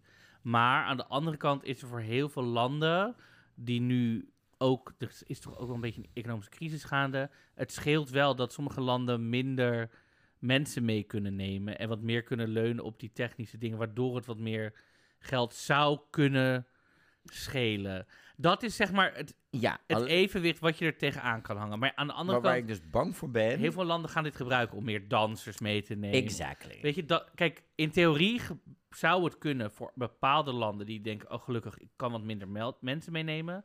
Maar ik denk in de praktijk is het echt zo dat landen gewoon denken, oh nu kan ik meer dansers, ik ga meer doen. Ja. Ik had het daarom gezegd, je mag maximaal zes mensen op het podium... en je mag twee mensen backstage vocals nog laten doen. Ja, wat vind je er dan van dat bijvoorbeeld zo'n Dadi Vrijer uit IJsland op een gegeven moment zo allemaal mensen had laten hele ins- koor? Dat hele koor. Dat vond ik cool, Maar Om- ook omdat hij het heel creatief gebruikte. omdat hij het heel creatief gebruikte. Ehm, en het leidde niet af van zijn vocaal. Snap je? We zagen bij Pia Maria dat ze drie achtergrondzangeressen mee had... die echt ook wel een beetje leken op haar stem... waardoor ze probeerde te verbloemen hoe zij klonk. Chanel had ook een dikke backing track mee... Ehm, Albina had toen in Rotterdam weer haar eigen stem eronder. Ja. Om haar eigen stem aan te dikken live. Ja, eh, dus ik weet het niet. Aan de andere kant zagen we ook bijvoorbeeld, hè, we zagen natuurlijk Griekenland. eh, Amanda met een geweldige stemvervorming waarin ik het wel vond kunnen. Maar ik, ik, ik zit meer met het... Maar omdat zij hem niet recht trok. Het was gewoon een dat. Het was een vocoder. Ik, maar ik, zat, ik zit meer met het, het Rasmus gedeelte. Waar we het over hadden. Met dat doen alsof het hele publiek meedoet. Waardoor je, denk ik, de, de kijker thuis, die stemt. Want die mensen in die zaal stemmen niet. En dat zijn minder mensen gewoon. een, een, een vertekend beeld meegeeft over wat de, het publiek, of, of, een, of een artiest het publiek meekrijgt. Ja, dus je moet niet de realiteit vervormen. Nee, dus daar ben ik eh, een dingetje van. Een ander ding wat mij opviel bij deze regels, iets waar we, eh, dit hoorden we in Turijn al, eh, van verschillende bronnen. Jij hebt het gehoord, ik heb het ook voorbij horen komen. Daarna heb ik het ook nog vaak in de wandelgangen voorbij horen komen van een aantal mensen eh, die we ondertussen allemaal kennen uit het Songfestival wereldje, wereldwijd. Hè, doordat we er ook al drie jaar rondlopen. Dus je spreekt ook de hele zomer mensen, is dat het verbaast me dat er geen regels zijn toegevoegd over wat er mag qua decor. Dit was namelijk echt een dingetje in Turijn. Dat er toch echt wel landen hebben lopen klagen over. Onder andere het Verenigd Koninkrijk, weet ik dan. Ik weet dat Frankrijk ook een land is waar een paar keer over geklaagd is. Ehm, er zo waren er nog één of twee over dat zij dingen mee hadden genomen qua decor. Waarvan het vermoeden gewoon was dat, je al, dat de landen al wisten: dit gaan we niet in 20 seconden kunnen opbouwen. En dat, hè, dat is wel de regel. En daardoor werd niet alleen de show langer, want we, hebben het gezien. Dan werd elke keer weer de Mika en eh Alessandra werden erin geduwd om nog even een extra praatje te doen. Maar het betekent ook dat zij dus een soort van vals spelen. Omdat Maar want je mag decor... Want de je mag decor is, maar er zijn eigenlijk niet heel veel regels omtrent. Want er is niet van, het mag maximaal 20 seconden duren. Want we hebben natuurlijk ook Rosalind, die had een hele kamer. Maar dat kon binnen 20 seconden opgebouwd worden. Dat waren maar twee, dat waren twee losse dingen. Dat waren, dat maar dat was- van Engeland was er ook maar één rijdend ding. Nee, dat waren verschillende onderdelen. Het moest allemaal neergelegd worden en gedaan. En zij kwamen er tijdens de repetities achter dat dat niet kon in 20 seconden. Want je hebt 40 seconden, 20 seconden om de vorige act af te bouwen en een nieuwe op te bouwen. Mhm. En er gingen dus wel een aantal dingen op van... joh, moeten we hier eens niet eens met al die landen naar gaan kijken? En wat er ook nog interessant is, dat is toegevoegd... en dit zijn twee andere nieuwe dingen... we eh, verruimen het maximaal aantal landen dat mee kan doen... van 40 naar 44 dit jaar. Oké, Ze vermoed, ik vermoed dus dat er landen bij gaan komen. oké. Dat is één. En ten tweede, en de UK en Oekraïne gaan we allebei via random loting de finale in. Normaal mag de UK, hè, eh, wordt geloot tijdens een van de twee halve finale lotingen.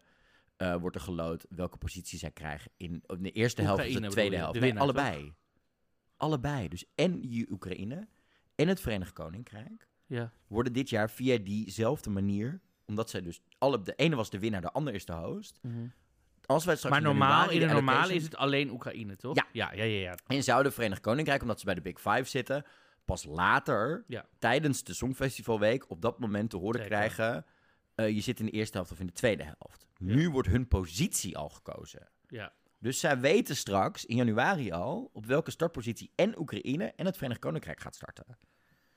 En waarom is dit? Omdat Dit- ze hosten. Omdat ze die, die, die, die rare co-host situatie is, waar we het straks dus wat uitgebreider over gaan Ja. hebben. Maar er zijn dus twee landen waarvan we in januari al weten op welke plek ze terechtkomen in die finale. Dat wordt een interessant eh, dingetje wat dat betreft. Dus ik ben heel benieuwd hoe zich dat allemaal gaat eh, vormen de rest van het jaar. Ben er heel benieuwd naar. Maar dit is dus de regels staan klaar voor dit seizoen. Want we weten, alle liedjes die na 1 september uitkomen, die mogen meedoen aan het Songfestival. Ja. Dus ook alle inzendingen en dat soort dingen zijn al bezig. Je hoorde het net al, die nationale finales bespreken we over twee weken. Maar we weten voor Nederland was er wel al nieuws.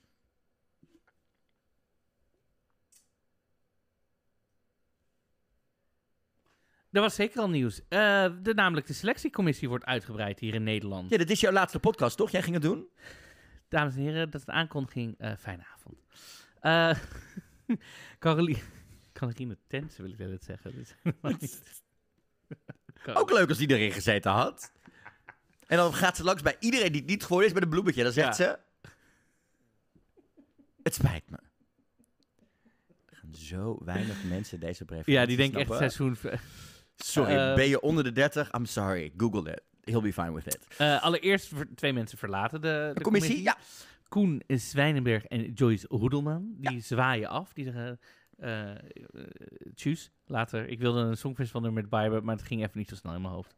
Eh, Hasta la vista, baby. Hasta la vista, baby. Nee, goed. Oh, die stoppen ook deze week. En Zullen we even een momentje stil te doen? Hurricane heeft deze week hun laatste optreden... omdat ze contractueel niet verlengd zijn... en er drie nieuwe meiden ingegooid worden.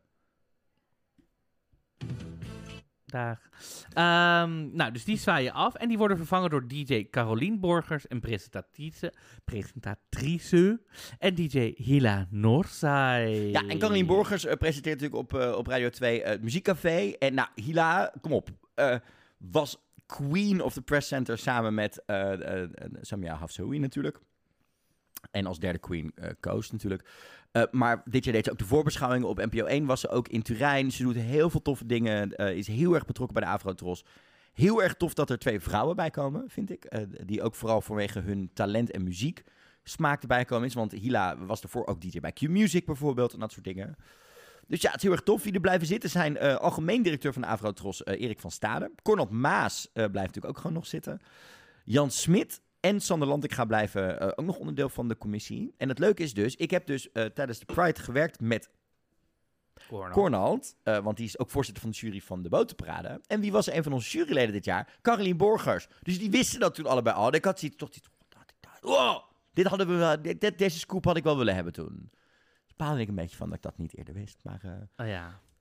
Maar ik vind het wel leuk om die twee later dit jaar, eh, als de selectie is geweest, hè, om dan eens een keer met Caroline en Hila te gaan zitten. Als je dit luistert, de deadline is gisteren. Ja. Is, eh, als we het opnemen morgen en als het online staat, gisteren. Ja, en 31 augustus is inderdaad de deadline om je liedje in te sturen. Kon, kon zelfs in demovorm nog hè, dit jaar. Eh, moest wel gewoon al richting de drie minuten zijn, maar hoefde niet zeg maar voor compleet af te zijn qua muzikale productie, begreep ik. En beginnen we dus aan de, de Nederlandse inzending eh, circus. Wij hebben wat thee over wat mensen die hè, mee willen gaan doen aan het Songfestival, toch? Dit jaar. We hebben wel wat dingen gehoord, links en rechts. Ja, The Return of Sineke. Nee, gewoon. Really? Ja? really? Oh, wauw. Hey, kastelein. Nou, het is iemand Waar blijft nou de... Ja, die zei op 2 juli namelijk dit jaar, toen waren wij net eh, ermee bezig. Of waren wij net met, eh, ehm, het, met, met zomerstop. Dani van Veldhoven, die won natuurlijk het laatste seizoen van The Voice wat op tv is geweest. Ehm, die zei dat hij vorig jaar bij de laatste vier zat. ja. Maar uiteindelijk ging ze dus voor Steen. En hij zegt, ik ga dit jaar weer een nummer insturen, want ik wil eh, heel graag een keer mee naar Eurovision. En de grap is, wij kwamen hem tegen bij eh, de W, eh, bij een Pridefeestje. En toen heeft hij dit ook tegen mij hardop gezegd, dat hij er echt mee bezig was om een nummer in te gaan sturen voor het Songfestival weer dit jaar. Dat hij er echt nog de hele maand augustus iets mee eh, wilde doen. Ja, eh, spannend. Ik weet dat eh, hij ingestuurd heeft. Een naam die we vorig jaar, of tenminste hè, al, het- al een half jaar horen, waarvan heel veel mensen zeggen dat ze het moeten gaan doen. En dat ik, als je ziet wat ze deze festivalzomer hebben gedaan, ook echt wel, De ronde? ik denk, mm, rondé, maar ik Oh. bedoelde eigenlijk goldband. Gold, is het Goldband? Goldband, goldband, geen idee. Ik, spreek, ik, ik sta morgen met hun op een festival. Ik- Vraag het uit. zij staan in mijn voor en wij zijn en hun voorprogramma en zij zijn ons voorprogramma, want wij draaien ook nog even. Ik ga het morgen ze aanvragen hoe ik het uitspreek. En B, ik, ik denk dat zij echt wel een nummer hebben ingestuurd. Ik zou het zo tof vinden als zij, zo, die, als zij daarheen gaan. Dat zou ik echt wel tof vinden. Ehm, ik denk dat Vrouwtje het niet gaat doen dit jaar. Gewoon puur omdat zij een goede vriendin is van Stien. En dan krijg je... Zij lijkt ook te veel op... Niet, zij, ik bedoel, is gewoon andere mensen, maar in het buitenland denk ik dat dat heel erg hetzelfde kan overkomen. En ik wilde er nog even een naam aan toevoegen. Eh, later dit seizoen gaan wij met z'n tweeën weer de Wie zouden we willen, zouden we doen. doen. Een van mijn favoriete afleveringen. Maar ik wil er toch wel even eentje bijgooien waarvan ik nu al zeg. Ik bedoel, ze, ze zal te laat zijn met insturen, maar ik hoop toch echt dat dit wel ertussen zit. Is Sarita Lorena. Eh, zij is natuurlijk een Nederlandse zangeres, maar vooral bekend in Brazilië met haar mix tussen urban en fado. Ze zit nu in de beste zangers. Zij is geweldig. Zij is echt, als je haar stuurt, dan, zit, dan, dan, dan, denkt, dan denkt Portugal, what the hell is happening? Ze gaan er met iets beters door dan wij. Als ze het ook nog eens een keer met een Nederlands stuk tekst doet, wat ze geweldig kan, werkt het ook nog eens een keer. Maar dan heb je urban, fado, Nederlands, Portugees bij elkaar. Ik zou er echt, I would live voor haar. En ze is ook nog eens een keer tafelsbeeldig. Dus dat was even een, een, dingetje. Maar we gaan het volgen. Vanaf vandaag, eh, dat deze podcast uitkomt, is dus het liedje bij de selectiecommissie terechtgekomen. En we weten van vorig seizoen, toen heb ik Lars Larenko natuurlijk eh, geïnterviewd, dat ze dus de komende weken krijgt die selectiecommissie elke keer een aantal liedjes van Cornel doorgestuurd.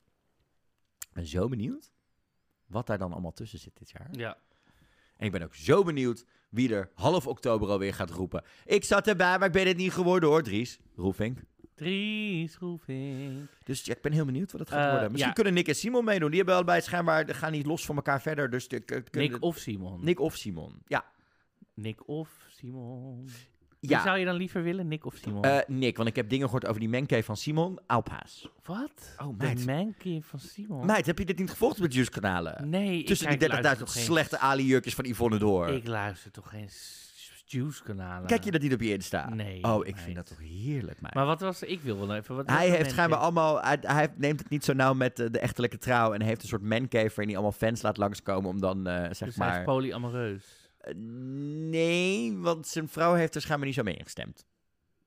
Maar die stemt wel in met een ma- mancave in haar huis. Eh, luister, eh, I. Eh, luister, Volendamse regels. Ik weet ook niet wat er allemaal Waarom gebeurt. heeft hij mij gebeld? Wil je liever Nick of Simon? Wie vind je knapper? Ik vind allebei niet knap. Nee, je moet kiezen. Ik moet kiezen. Nick. Oh ja. Oké. Jij gaat voor Simon, hè? Ja. Ja, dat dacht ik wel, ja. Jij bent zo'n Simon-type.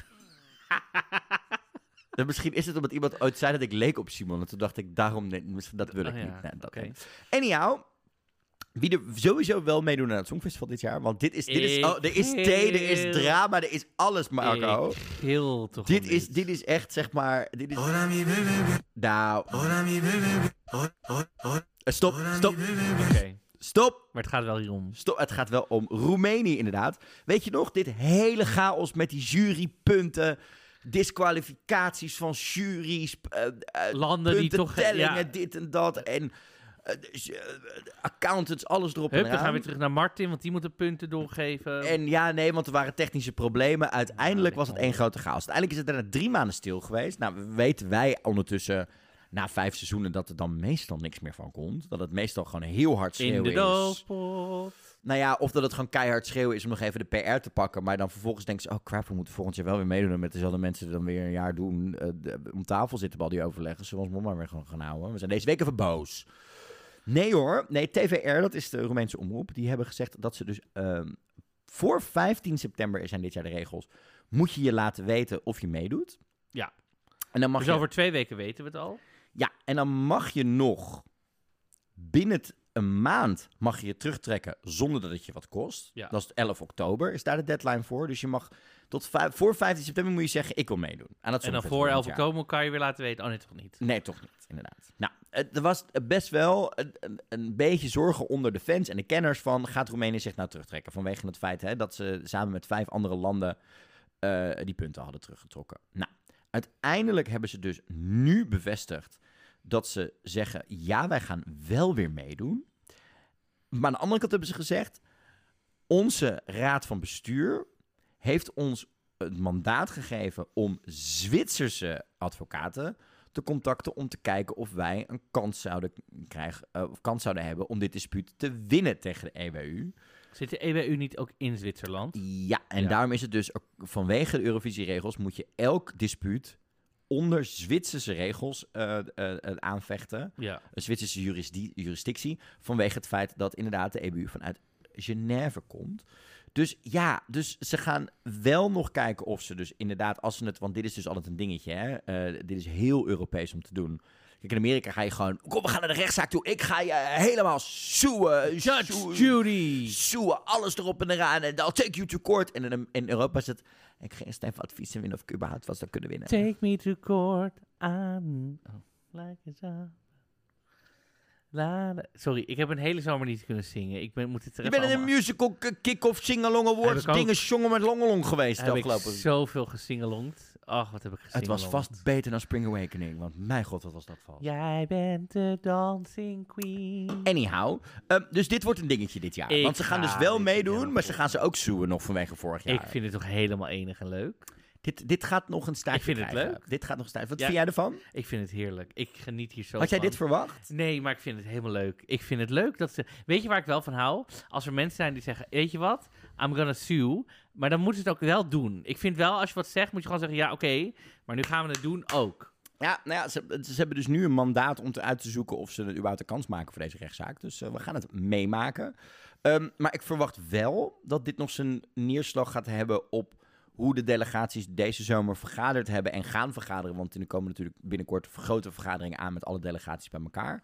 eh, met de, de delegations meetings. Hoe zij omgaan met dat hele, we trekken je punten terug. Wat is er nou precies gebeurd? Maar ook, hoe is er gehandeld in Turijn toen we wisten dat er punten, eh, dat er een punten, hè, dat er rare dingen gebeurden met patronen in de punten van deze landen en hoe dat gecommuniceerd is. Dit gaat echt nog wel zijn weerslag hebben op eh, het Songfestival wat we volgend jaar in mei gaan zien. Of in ieder geval hoe dat, dit soort dingen dan afgehandeld gaan worden. Dus dat is wel goed. Dat er meer... Wij hebben er ook over geklaagd dat er geen transparantie was wat er nou gebeurde. En dat we een persbericht kregen, maar anderhalve week geen uitleg toen, toch? Ja. En we weten eigenlijk nog steeds niet echt wat er nou echt is gebeurd. Nee. Nee, maar Nee, nog steeds niet. we praten niet meer over vorig jaar. Nou ja, dit soort dingen nemen we wel mee in ons rugzakje. Ja. Het, het- een van de dingen die we meer wilden dit jaar was meer transparantie. En als dit ervoor gaat zorgen dat dat gebeurt, living for. Ja, daarom zit ik nu in een hele doorschijnende outfit. Meer Ja, ik moet, ik, ik, ik moet je er toch van zeggen, ik vind het een beetje vies. Krijg je geen zin in een chorizo, mo? Nou, nee, ik vind het gewoon een beetje vies. Omdat, leuk dat je dan een doorschijnend ding aan doet. Maar had dan in ieder geval wel een onderbroek aangetrokken. Nee, het is all out. Helemaal pure transparantie. Nou, wees blij dat het een podcast is zonder geur. Uh, Smell-o-vision hier voor jullie thuis daar. Anyhow. Eh, nog, nog twee eh, nieuwtjes nog even Ja, erbij maar te nu komen. komt er een heel leuk nieuwtje. Vind ik zo leuk. Er komt namelijk een Eurovision Latin America contest. Oh, dit vind ik leuk. Ik vind het leuk. Ik vind het... Bij al die andere Eurovisions extensions waar we het ook nog zo over gaan hebben, denk ik, ja... eh, Ja, want dit jaar hebben we dus voor het eerst de American Song Contest gehad. Latin America. Eurovision Canada is aangekondigd, begint ook volgend jaar. Ehm, en ja, eh, er waren gigantische eh, nummers eh, of, of, of getallen publiek wat op YouTube keek naar de streams van Eurovision 2022, namelijk in Argentinië, Brazilië, Chili en Mexico. Ehm, en daarom zijn ze dus nu met een ehm, eh, bedrijf wat heet Voxovation.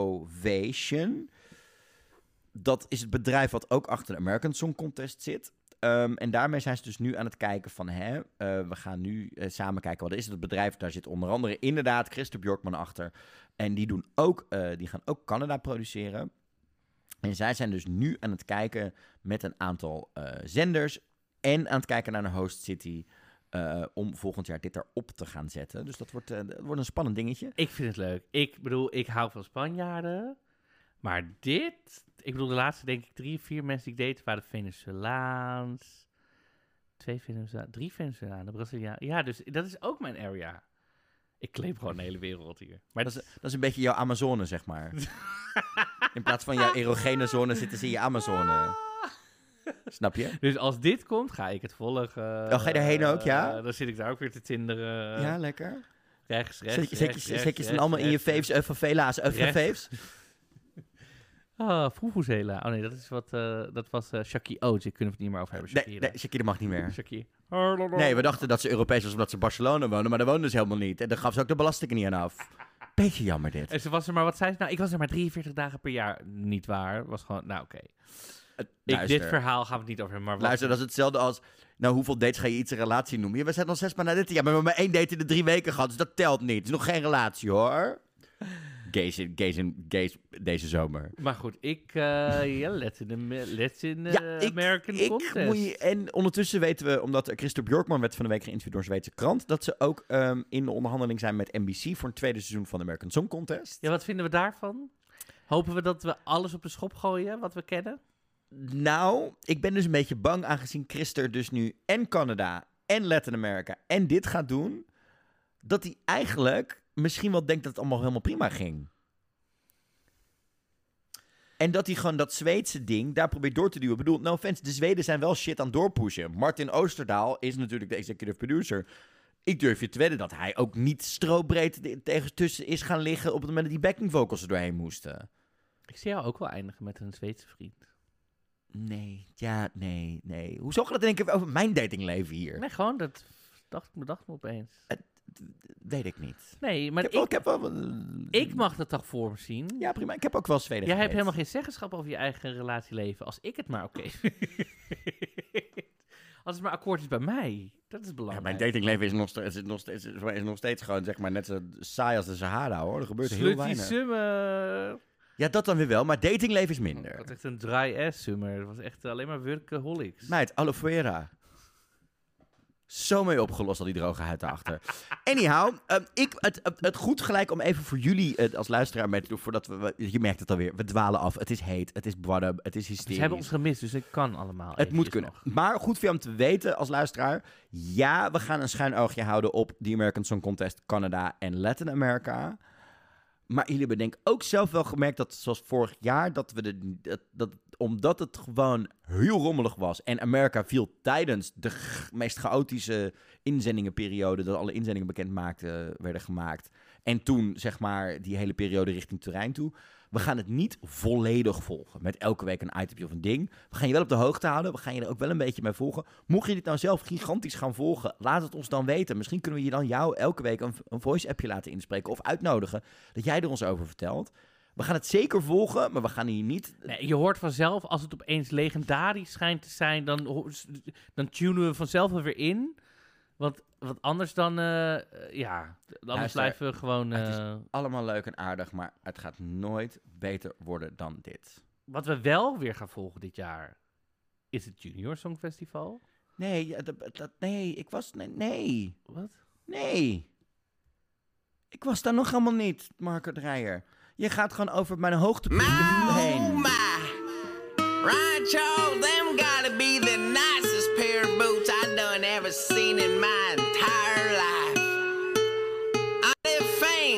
Why, thank you. No boot goofing in a dime snakeskin. So damn fresh that the shaking. Song of the Summer. Tell me I'm wrong. You're wrong. Oké. ehm, New Boot Cup, dat niet op. Nou, god. wat, eh, wat we wel gaan volgen dit jaar Is het junior? is het Junior Ja, Songfestival. we gaan naar Armenië, we gaan naar Jerevan. Ja, met het Junior Songfestival. Ja. Eh, nou ja, het Junior Songfestival naar Jerevan. Wat Ja, wij we- gaan doen... We met z'n allen. Wat, we, wat wij gaan doen, moeten we nog even zien. En dat, daar zijn we nog helemaal Dat, niet. dat met zijn we, we zijn er met een schuin oog naar het kijken, maar we weten A, wat de temperatuur is.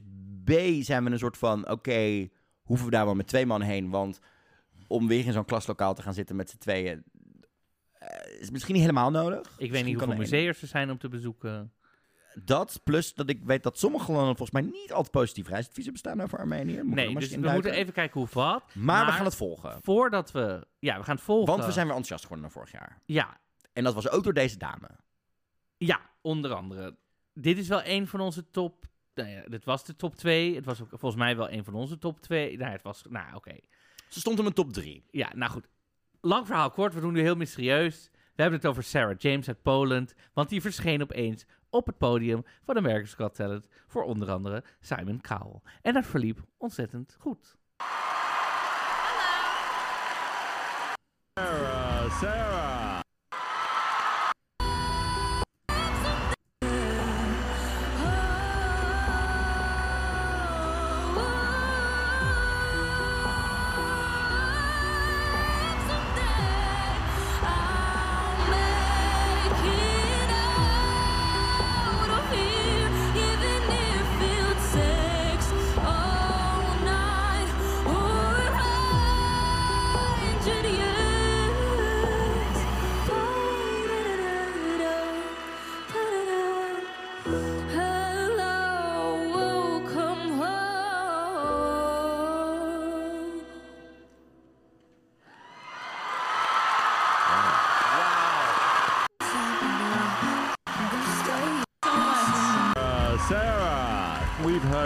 singers over the years, but wow, there are those moments where.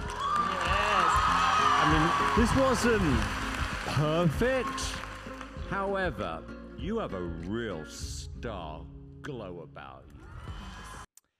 Eh, Simon was enthousiast. Eh, wel opvallend is natuurlijk dat... eh, dit hebben we eerder gezien bij America's Got Talent. Zij heeft hier wel, als je dan kijkt naar hoe ze eruit zag hè, in Parijs...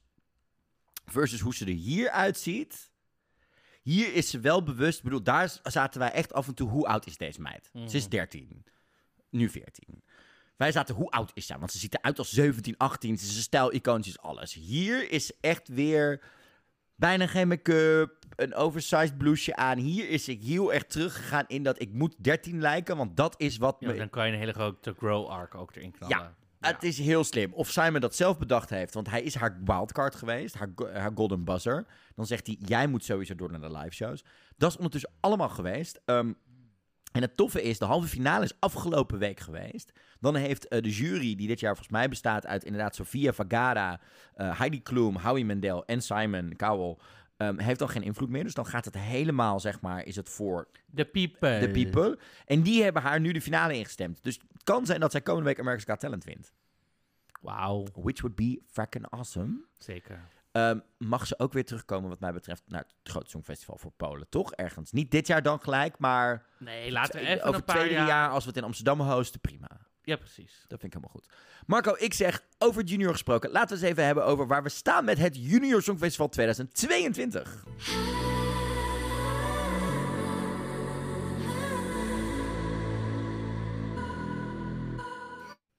Ja, want het Junior Songfestival vindt dit jaar dus plaats in Armenië. In Jerevan. Zeker.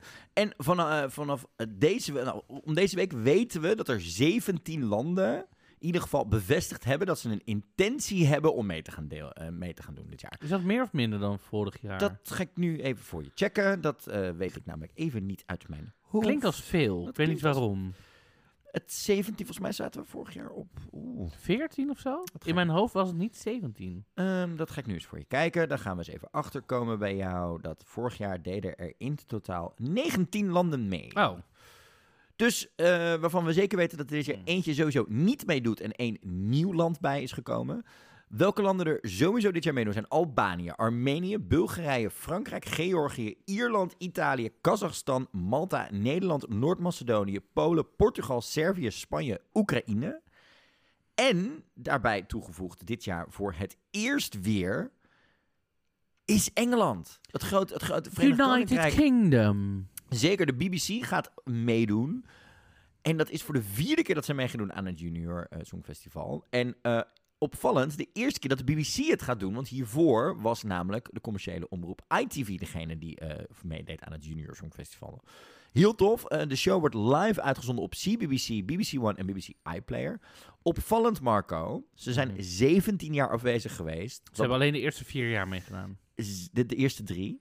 Want dit is de drie jaar, dit is de vierde keer. Ja, sorry. Opvallend dus, de kids die mee gaan doen, waren nog niet eens geboren het jaar dat het laatste keer dat het Verenigd Koninkrijk meedeed aan de Junior Show. Competition. Ja, het is echt heel erg tof. Ze zijn op dit moment bezig om de act eh, te, te zoeken.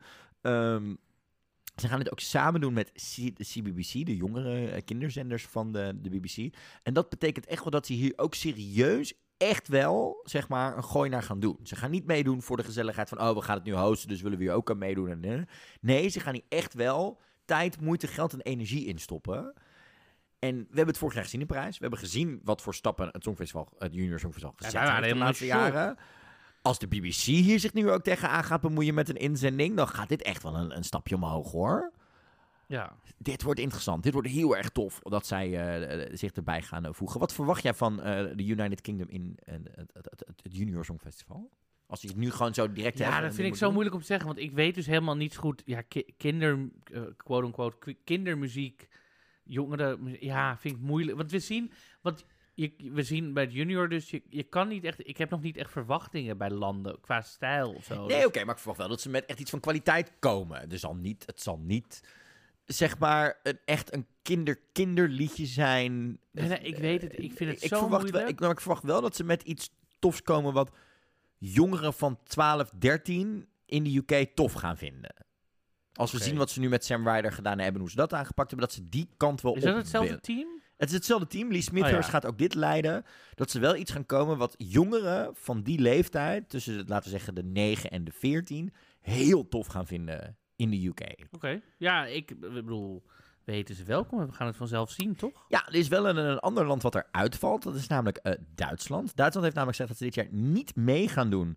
Eh, dat heeft er eh, mee te maken met dat ze een creatieve pauze inlasten gezien het junior en het grote songfestival. Mhm. Wat wij denken ook wel echt nodig is, hè? Ik bedoel, Jendrik en Malik Harris waren nou niet de meest succesvolle artistieke inzendingen. Los van wat ze daar op het, eh, hè, wat ze daar op het podium deden.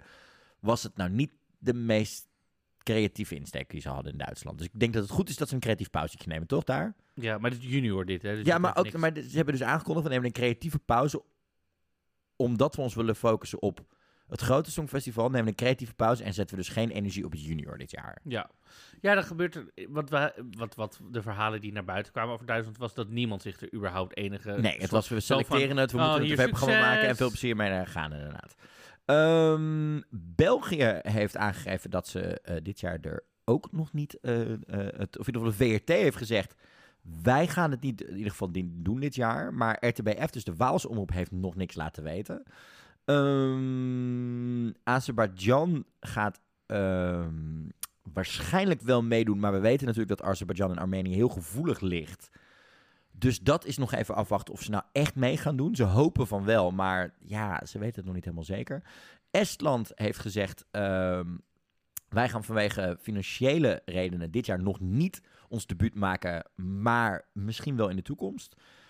Finland zegt ook, ehm, we gaan niet meedoen, want we willen geen nieuwe kindsterren creëren of voelen, we, vo- en we voelen ons niet comfortabel bij kinderen die zich moeten, eh, of die eh, meedoen aan dit soort type talentenjachten. Dat kan. Is wat voor te zeggen, ja, ik bedoel, dat vind ik een ik. legit reden, ja. Ja, eh, Israël doet ook niet mee. Die deden voor het laatst mee in 2018. Ehm, Montenegro keert dit jaar niet terug. Die hebben ook al laten weten, wij gaan het niet doen vanwege hè, en gebrek aan budget en het Focus feit... op de volwassen versie. Slovenië, eh, nou ja, toch ook niet. Eh, d- hebben wel gezegd, we waren aan het kijken, maar we gaan het niet doen. Eh, en Zwitserland gaat ook niet meedoen dit jaar. Ehm, dus dat is wel interessant. En eh, Rusland mag niet. Punt. Nee, ja, punt. Dat, dat- zo makkelijk is het.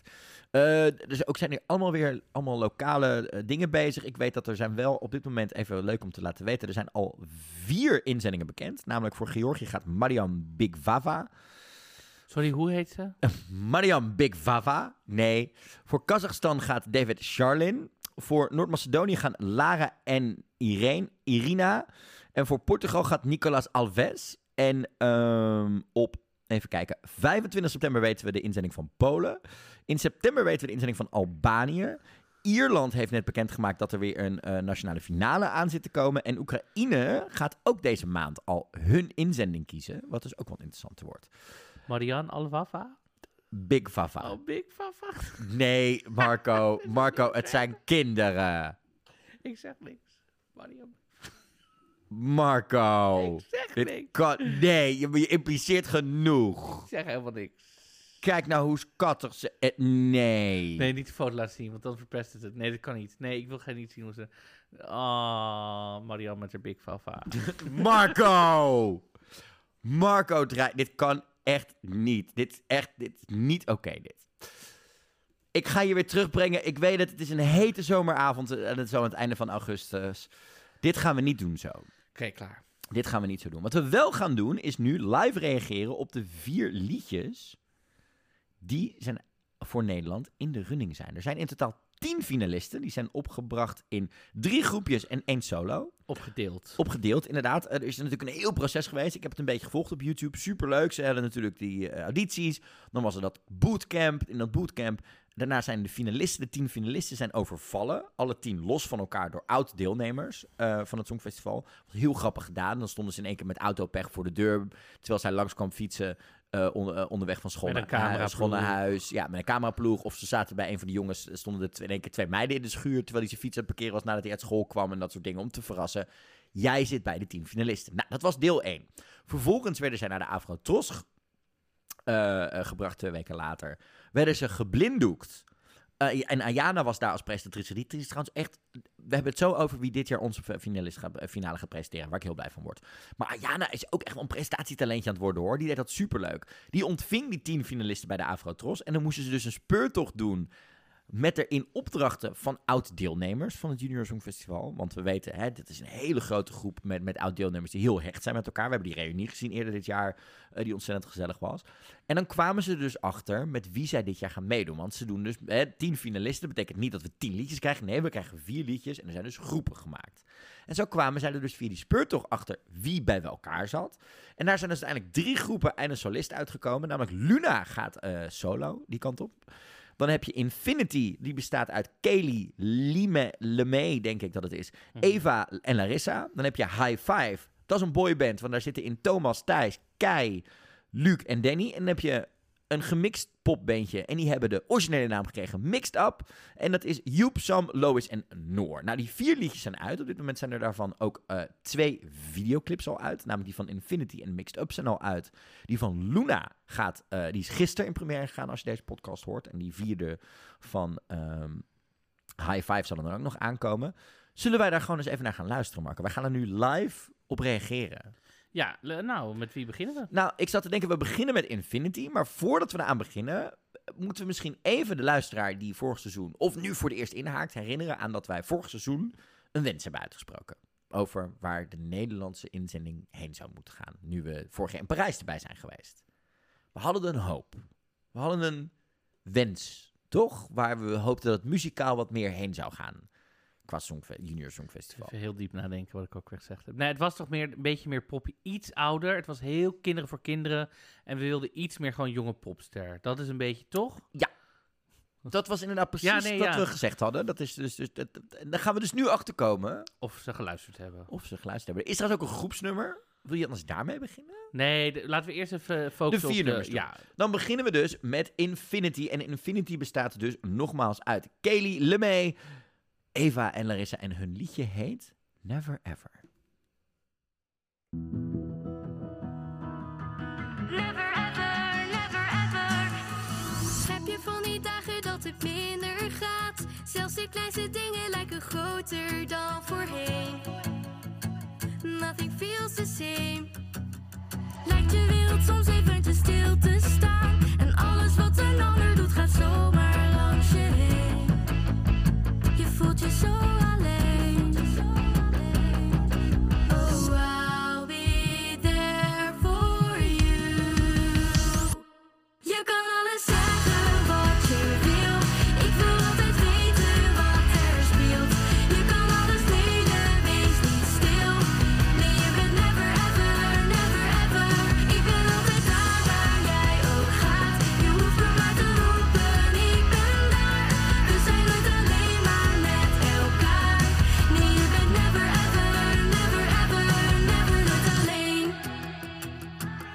Never Ever. Van Infinity. Wat vind je ervan? ik vind het, het is een heel vrolijk popnummertje. Ja. Ik vind het, er zat wel een soort spanning in tot het eh, refrein. En dat refrein vind ik, toen het kwam dacht ik, vond ik het iets te, iets te generic. Dus ik vind het heel vrolijk, het is heel leuk en op tempo. Maar ik zat even met mijn ogen dicht want te luisteren en te denken, oké, internationaal, kinderen. En dacht ik, ja, het- maar het is niet, het pakt me, het is niet herkenbaar genoeg dat ik zo denk, ja, Dat ben ik met je eens. Ik denk dat voor mij hier... ehm, ik denk dat het iets volwassener is geworden. zeker. Qua ja. productie, qua waar de muziek nu is. Het, het, het, het gaat een beetje die kant op die we zien met onder andere... Een beetje een Harry Styles, hè, wat meer gitaar, wat, wat, wat, wat, wat een, een, een, een, eh, Olivia Rodrigo, hè, een Billie Eilish. Ik denk dat het probleem hem hierin zit, in dat het voor mij te glad geproduceerd is. Als die meiden goed, en dat, ik bedoel, ze zijn niks voor niks finalisten, live goed kunnen zingen en er live net iets meer power in zit. Het is heel glad gestreken nog in deze, in deze videoclip, hè, de studioversie. Als zij live er met meer power in gaan, denk ik dat het dan heel erg kan blijven hangen. En dat het dan echt wel een, eh, een, een, een, een deuk in een pakje boter kan gaan slaan. Vind ik in ieder geval tof gedaan. Leuk ook inderdaad dat we, eh, we weten, de regel is volgens mij moet minimaal 40% van het nummer in je Meer, eigen- meer dan de helft volgens mij. ja, 60% moet in je eigen taal zijn. Ja. Daar houden ze zich heel erg aan vast. Maar slim om te zien wat zij doen, wat wij vorig jaar bij een aantal andere lagen zagen, is gelijk vanaf dat tweede zinnetje iets Engels erin gooien. Waardoor gelijk de, de, de kijker die, de, de jongere kijker die een beetje Engels snapt, ook in landen die geen Nederlands spreken, gelijk aanhaken. Dat zagen we vorig jaar terugkomen in het, in het junior, wat heel erg werkte bij een aantal landen. Daar hebben ze goed op gelet. Daar hebben ze goed doorgepakt. Vind ik leuk. Ja, maar het mag dus van mij nog wel wat meer, gewoon eerste zin volledig Engels en of zo. Oké. Het mag, het mag van mij nog wel, maar goed, het is een prima nummer. Het is een prima nummer om mee te beginnen. Je hoort mij niet klagen. Je hoort je maar. nog niet klagen. Nou, daar zijn we in ieder geval heel blij mee. Dan gaan we door naar de tweede. Eh, deze vier talenten zijn natuurlijk ook bij elkaar gegooid eh, voor een optreden. Dit gaat, in dit geval gaat het om Mixed Up. Hun eh, liedje heet It Doesn't Matter. En dat, deze groep bestaat uit Joep, Sam, Lois en Noor. Nou, ze zien er echt... Dit zijn volgens mij echt de jonkies van bij elkaar. Als ik zo de foto alleen al zie. Trouwens, volgens mij leuk om te weten. De clips zijn volgens mij opgenomen, als ik het goed zie, in de Floriade. Toch leuk om te zien dat daar wel mensen nog heen gaan. Ben jij geweest? Nee, zelfs niet toen ze met die kortingscode van 80% korting of zo. Oh, Wauw. Maar toch fijn om te weten dat er nog andere toeristische attracties zijn in Flevoland dan eh Wespen Galore, eh Wespen, Wespennest, eh Walibi tegenwoordig. Laten we gewoon eens gaan luisteren wat Mixed Up ervan gemaakt heeft. De tweede inzending voor het Junior Songfestival.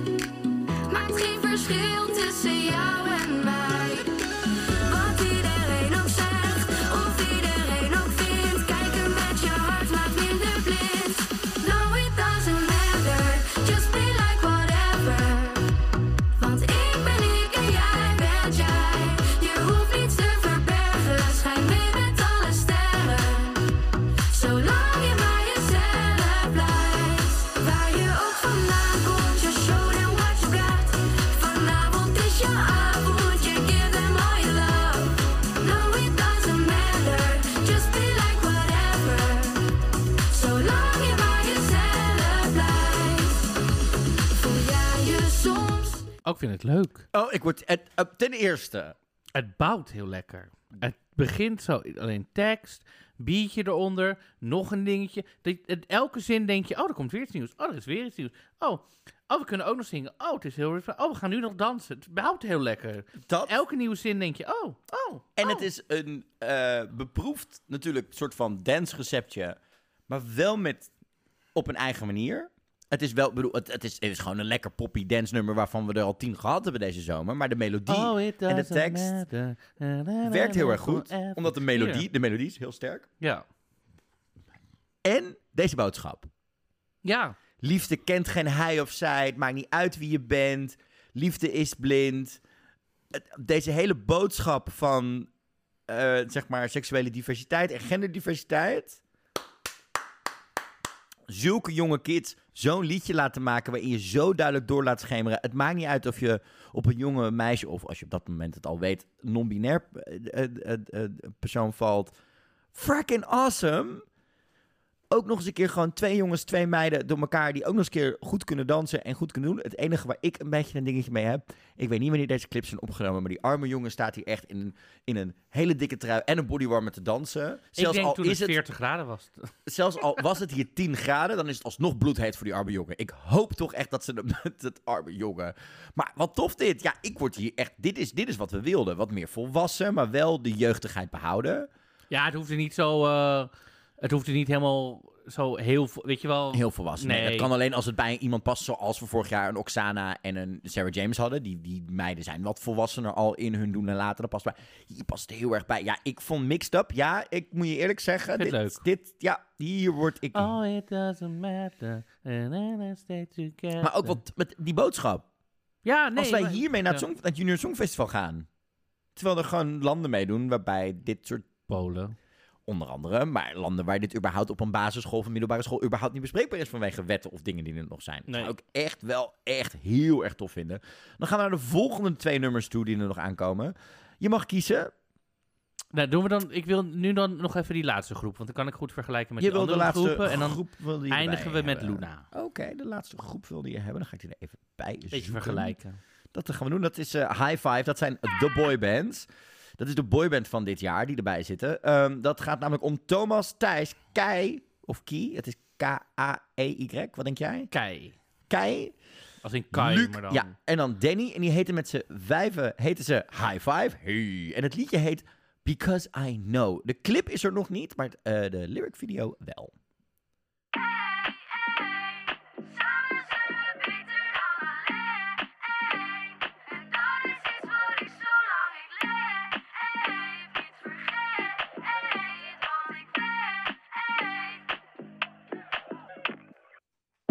Je die ene keer dat ik nog na moest blijven?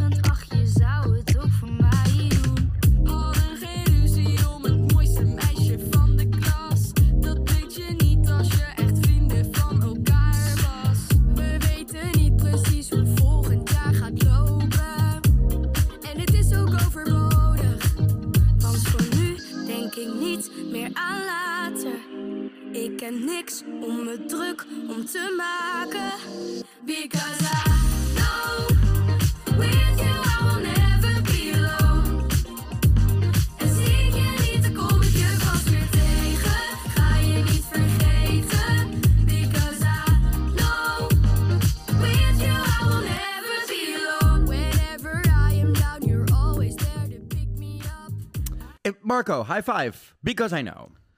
Ehm, ik, zit een beetje, ik heb een beetje mixed feelings hier. Ik ook. Ik, ik, weet je wat ik denk? Ik zat even te denken, toen zat ik helemaal zo à la Songfestival te luisteren.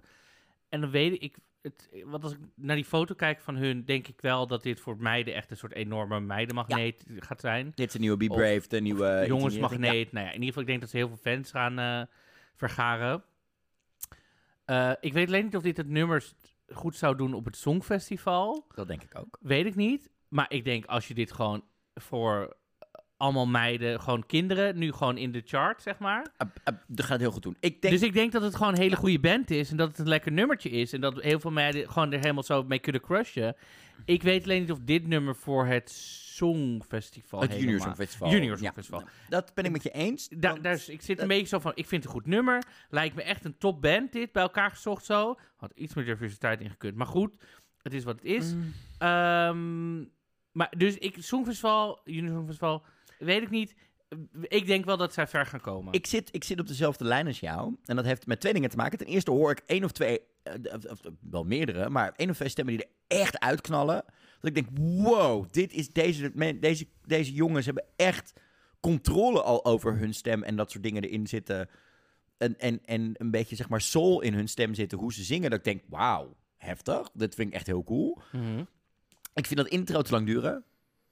En, ten- Ja, het is... en het voelt voor mij... had dat eerste stukje, toen dacht ik oké. Toen ging het nog een keer, dacht ik nee. We- het duurt 53 seconden voordat je bij het refrein aankomt. Mhm. En het voelt als anderhalf, bijna twee minuten voordat je bij dat refrein bent. En dat is misschien... Ik wil iets, iets meer tempo, iets meer schwung ingemoeten. Plus, ik weet niet of de boot, of het zo bedoeld is dat, dat ze het Engelse publiek een beetje gaan misleiden. Maar het gaat over vriendschap. Het gaat over... Hè, eh, we hebben geen ruzie over het mooiste meisje van de klas, want daar zijn we vrienden voor. We laten elkaar als toets overschrijven en eh, we weten niet wat er volgend jaar gebeurt. Het voelt een beetje als een groep 8 musical nummer dit.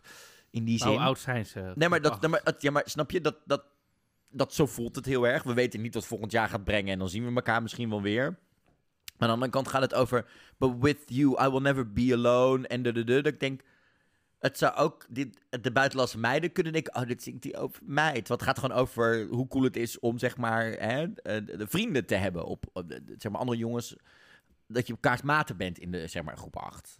Een subtekst. Eh, Dus dat hebben ze misschien wel slim gedaan eh, in die zin. Het, eh, niet mijn favoriet van het jaar, puur qua liedje. De jongens zijn top, er zit echt goed zangtalent tussen, maar het liedje is... Ik, nee, dat is niet mijn favoriet van het jaar. We hebben er nog één, dat is namelijk Luna. Luna mag in er eentje, solo dit jaar. De enige solist die dit jaar meedoet. Ehm, we gaan er eens naar luisteren. Haar liedje heet La Festa, The Party. The Party. Well, the party, it might be starting met Luna. Vier vandaag.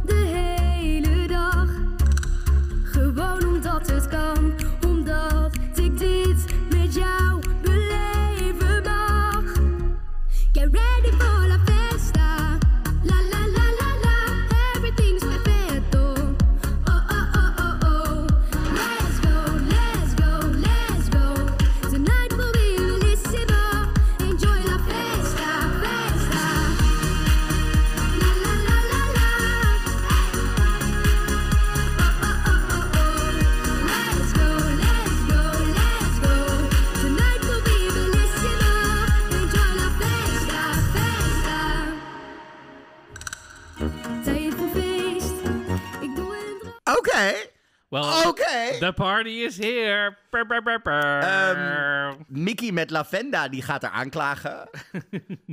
Het is literally that. Het is letterlijk dat. Maar ook met dat dramatische begin. Dat dramatische begin is echt dat ik dacht... Maar ik dacht La Fiesta, dan gaat het iets met een, pi- met piano. Muscat met de piano. God. Dag GJ. Eh vanaf heden ben ik op zoek naar een nieuwe co-host voor seizoen 5 van Dingedong, de podcast met Marco Dreyer. En dus een nader in te vullen persoon.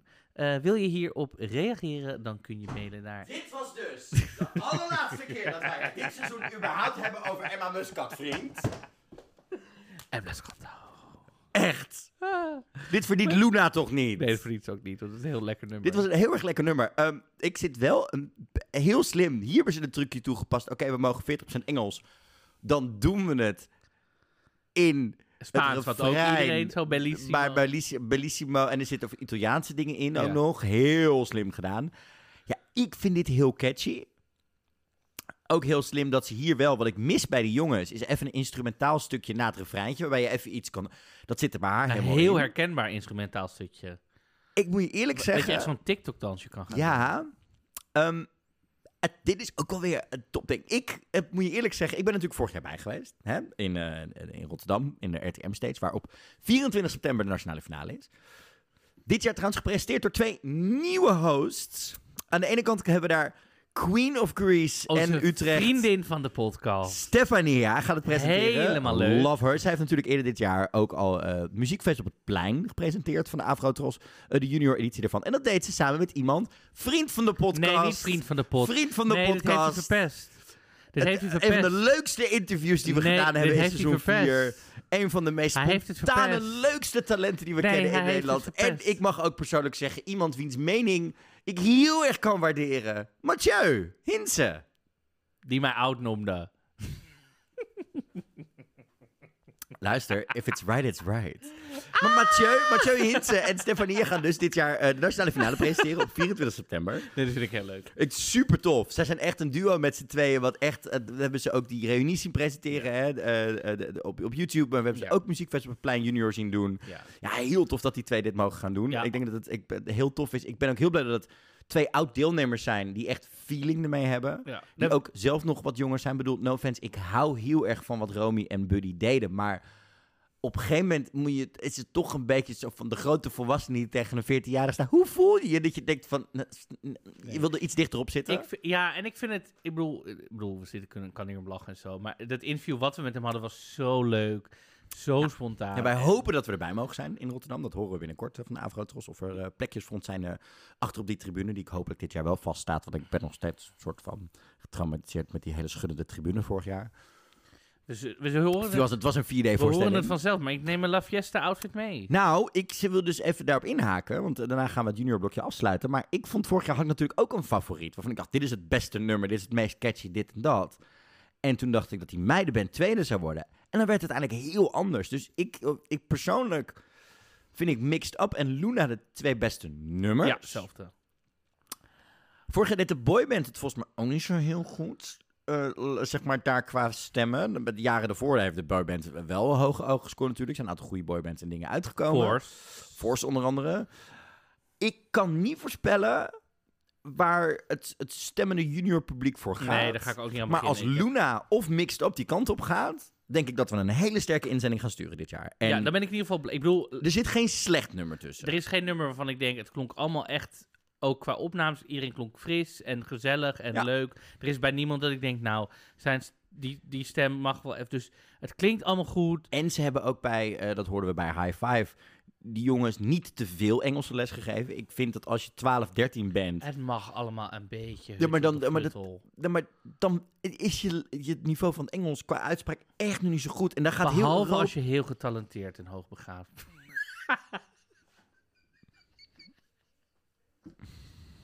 Ik zie- heb mijn zin nog niet eens afgemaakt en ik zie Ik je weet dat het over jezelf gaat. Anyhow, weet je, genoeg hierover gedaan. Genoeg over, ik denk dat we, we zijn een beetje met elkaar aan het, aan het kloten en aan het kutten op dit moment. Ik weet jullie dat gaan doen. Dat gaan we gewoon voortzetten. Ik zeg, wij gaan eens even lekker strijden tegen elkaar.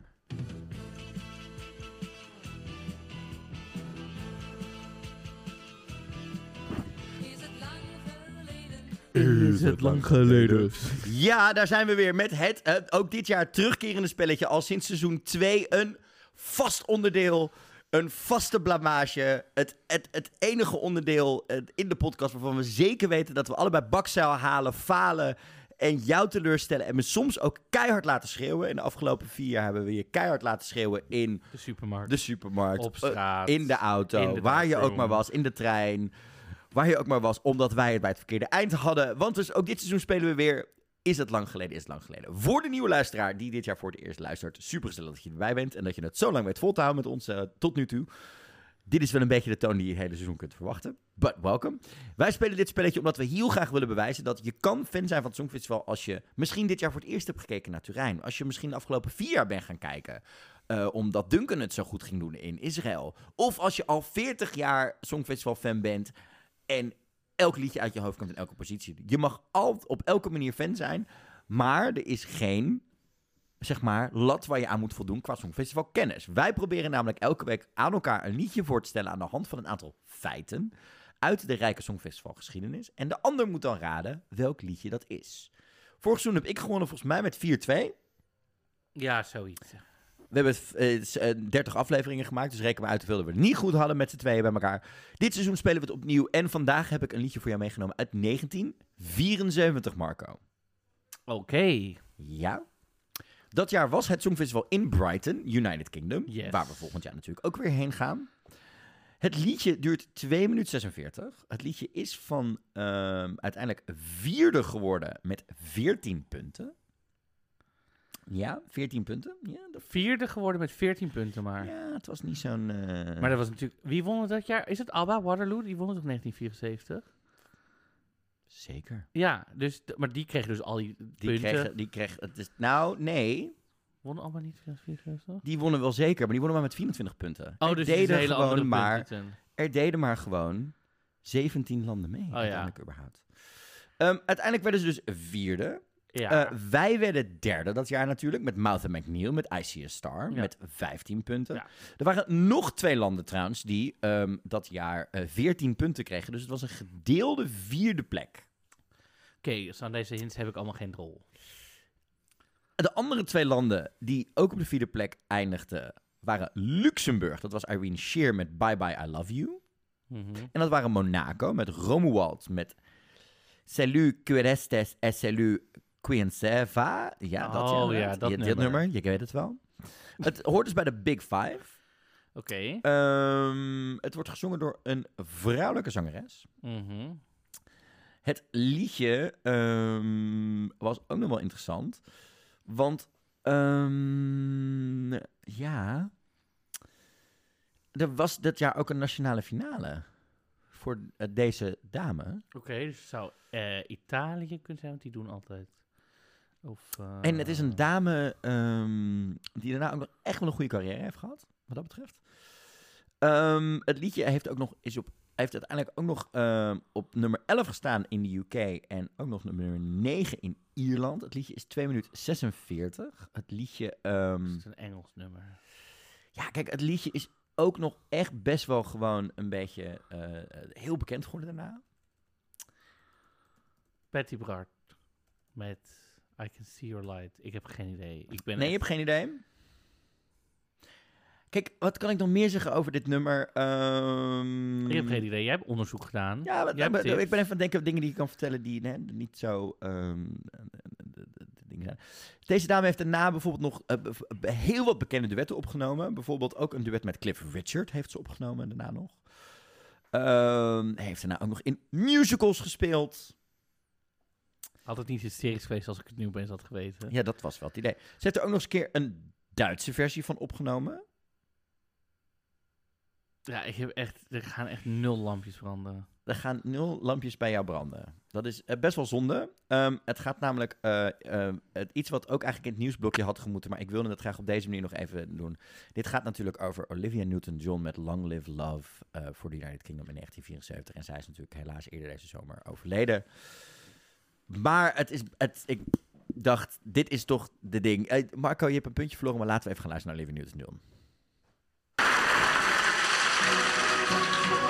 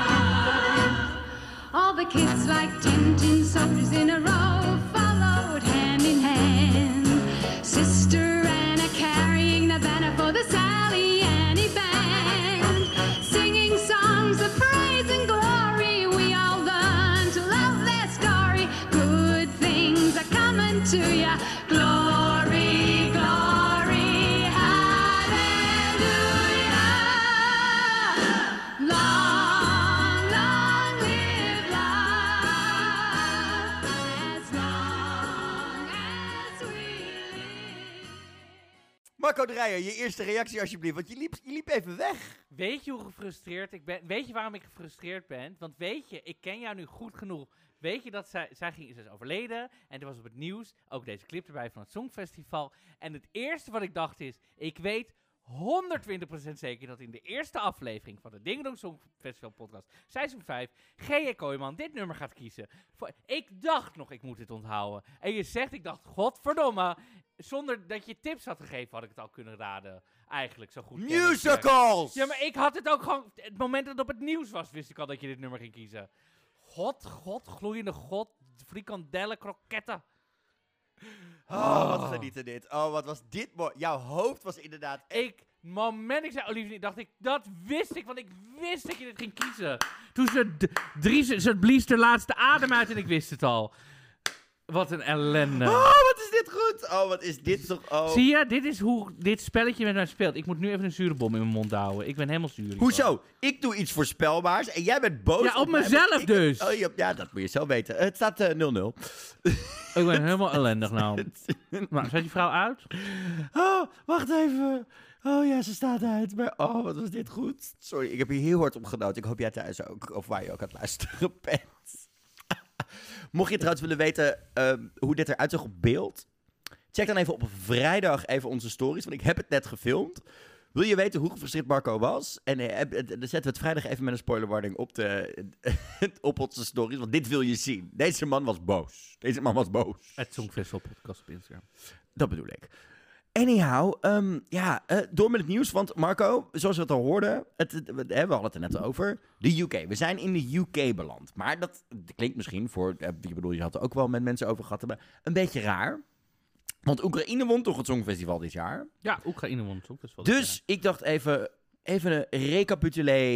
Ik word er helemaal warm van. Dat snap ik. Zal ik even een raampje open doen voor je schat? Nee, het is oké. Dit is gewoon mijn bloeddruk die even helemaal... eh. Dat snap ik. Moet je ook aan denken. Anyhow, it's gonna be happening. Ja, de, de UK. Songfestival UK. De Songfestival Uk. We gaan naar het Song, we gaan naar United Kingdom toe. Laten we terug gaan naar het begin. Namelijk de finale van het Songfestival. Kalush Orchestra wint. Maar op dat moment wisten we dat er een oorlog bezig was En nog steeds is. in Oekraïne. We wisten dus dat er een kans was dat het niet daar gehouden zou kunnen worden. Maar de EBU heeft er samen met de omroep daar, met ze speelden, alles aan gedaan samen met de... eh, eh, Alle mogelijke scenario's doorgesproken. Wat Ze zijn ook oprecht een week daarna al begonnen met inderdaad commi- commi- commissies samenstellen, alles erop en eraan, om te kijken, kan het Songfestival naar ehm, Oekraïne toe gaan? Nou, uiteindelijk, Ja, er werd nog helemaal gezegd, het moest in Mariupol, nee niet in Mariupol, in een van die andere hele heftige, dan bouwen we het helemaal op, helemaal, het was helemaal, iedereen was helemaal vol hoop. nou, uiteindelijk is daar dus een eh, bericht uitgegaan. Eh, er kwam een heel kort bericht, in eerste instantie van you, we gaan... ehm, we wisten dat op een gegeven moment was er gesprekken. We weten dat de EBU er geweest is. We weten dat er hele, dat er ook eh, allemaal mensen waren zich aan het uitspreken. Hè? Eh, De, de minister van Culturele Zaken was zich erover aan het uitspreken. De, de, de omroepen, eh, de UK bemoeide zich ermee. Polen bemoeide zich ermee. Ehm, en uiteindelijk kwam er nieuws vanuit de EBU. We gaan het niet doen in Oekraïne. Uiteindelijk hebben wij Het was niet veilig genoeg. het, dat vanwege de veiligheid. Vanwege meerdere redenen hebben wij er geen vertrouwen in dat het daar plaats kan vinden in het tijdsbestek waarin, een ook niet, eh, waarin het nu georganiseerd moet worden. Wat gewoon elf maanden is, let's be fair. Je hebt elf maanden om een, een wereldevenement neer te zetten. Ja. En daar ging het ook veel op Twitter over. En dat kan Het Oekraïne, want ze hebben het net gedaan, dus dat, dat staat buiten kijf. Dat. En überhaupt is dat natuurlijk nog steeds het raarste. Dat, dit is het enige event, eigenlijk op een, nou, ja, een voetbalwedstrijd. Namen daar hoef je niet zoveel te doen, want voetbalwedstrijden heb je bijna elke week in elke grote Europese stad. Waarin je pas een jaar van tevoren weet dat je het mag gaan organiseren. En eh, ik bedoel, we weten het nu. We zijn nu volgens mij 2025 of 2030 aan het bieden qua Olympische Spelen en dat soort dingen.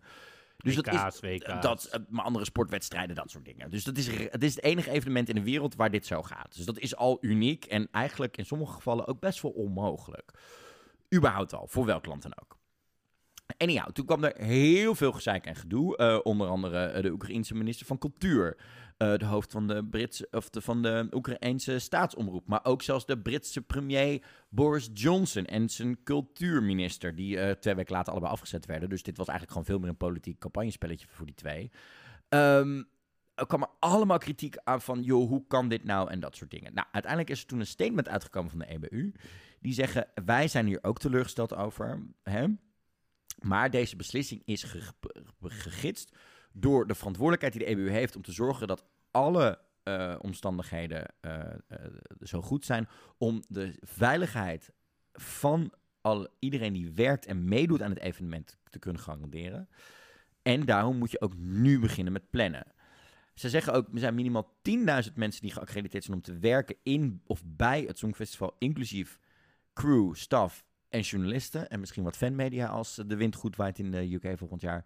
Dan zijn er ook nog 30.000 fans die zeg maar erheen komen. Ehm, er moeten gewoon beslissingen gemaakt worden voor zo'n complex live televisie-evenement. Die niet gepolitiseerd, moet, eh, politicized moeten worden. Dus niet met politieke invloeden gemaakt moeten worden. Maar die worden gemaakt door broadcast professionals. Ehm, er zijn, zeg maar, ook door de, eh, het Oekraïense assessment, is er gewoon gezegd, er zijn gewoon heel veel risico's. Want er is een, een security questionnaire gedaan. En er worden gewoon vragen gesteld, joh, hoe veilig is dit? Wat zijn de risico's? Toen zei de Oekraïne, Oekraïense eh, omroep heeft ook gezegd, joh, er is gewoon een grote kans op, zeg maar, drone-aanvallen, raketaanvallen, vliegtuigaanvallen. En er is gewoon gezegd, ehm, er, is gewoon, er is gewoon van meerdere derde partijen advies gezocht die hier advies over konden leveren. Die zeiden, alles wat de Oekraïne voorst, Oekraïners voorstellen om dat tegen te gaan, is niet genoeg. En daarom is het, zeg maar, veiligheidsniveau te hoog. En daarom kan het dus niet. En daarom hebben wij besloten om met de, de BBC in gesprek te gaan. Nou, dat was ook nog een ding. Want vervolgens had de BBC zoiets. eh, oh, eh, eh, oh, we worden nu. Oh, nu. dus er kwam een heel kort, snel, beetje bot statement uit. Want bleek dus dat de EBU dat überhaupt niet, zeg maar, met hun gecheckt had. Meer zo van, joe, we gaan, het, nu, we gaan nu met jullie praten. Nou, dat is uiteindelijk gebeurd. Toen heeft de BBC uiteindelijk gezegd, ook na een maand later, we gaan het doen.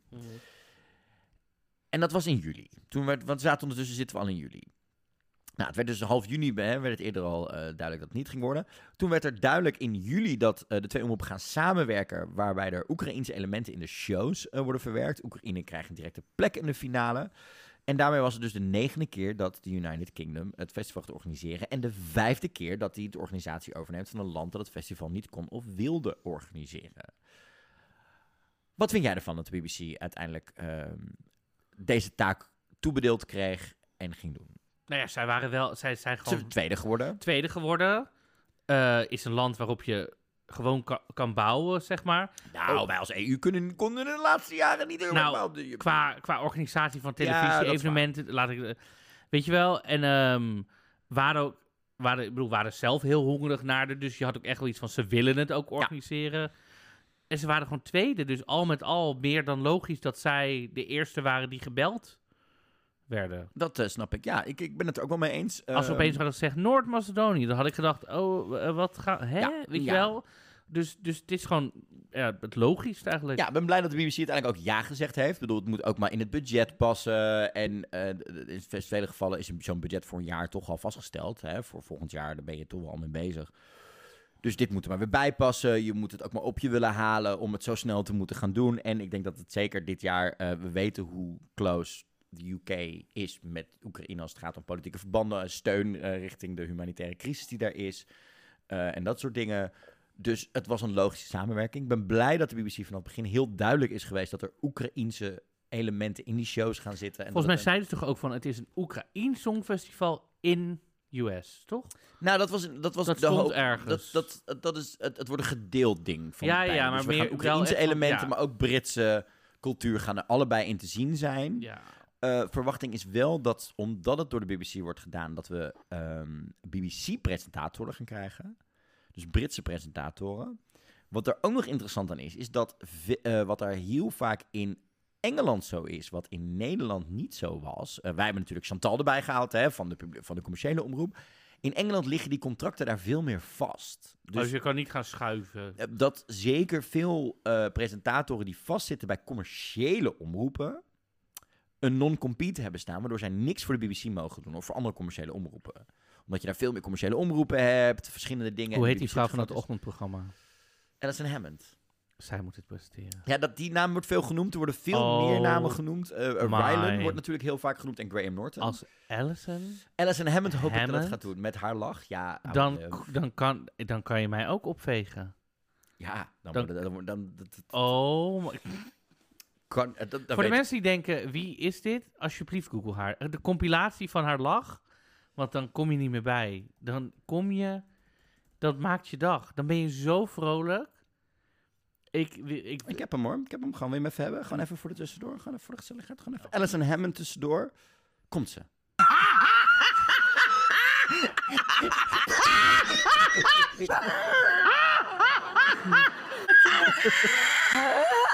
Alice is this your view?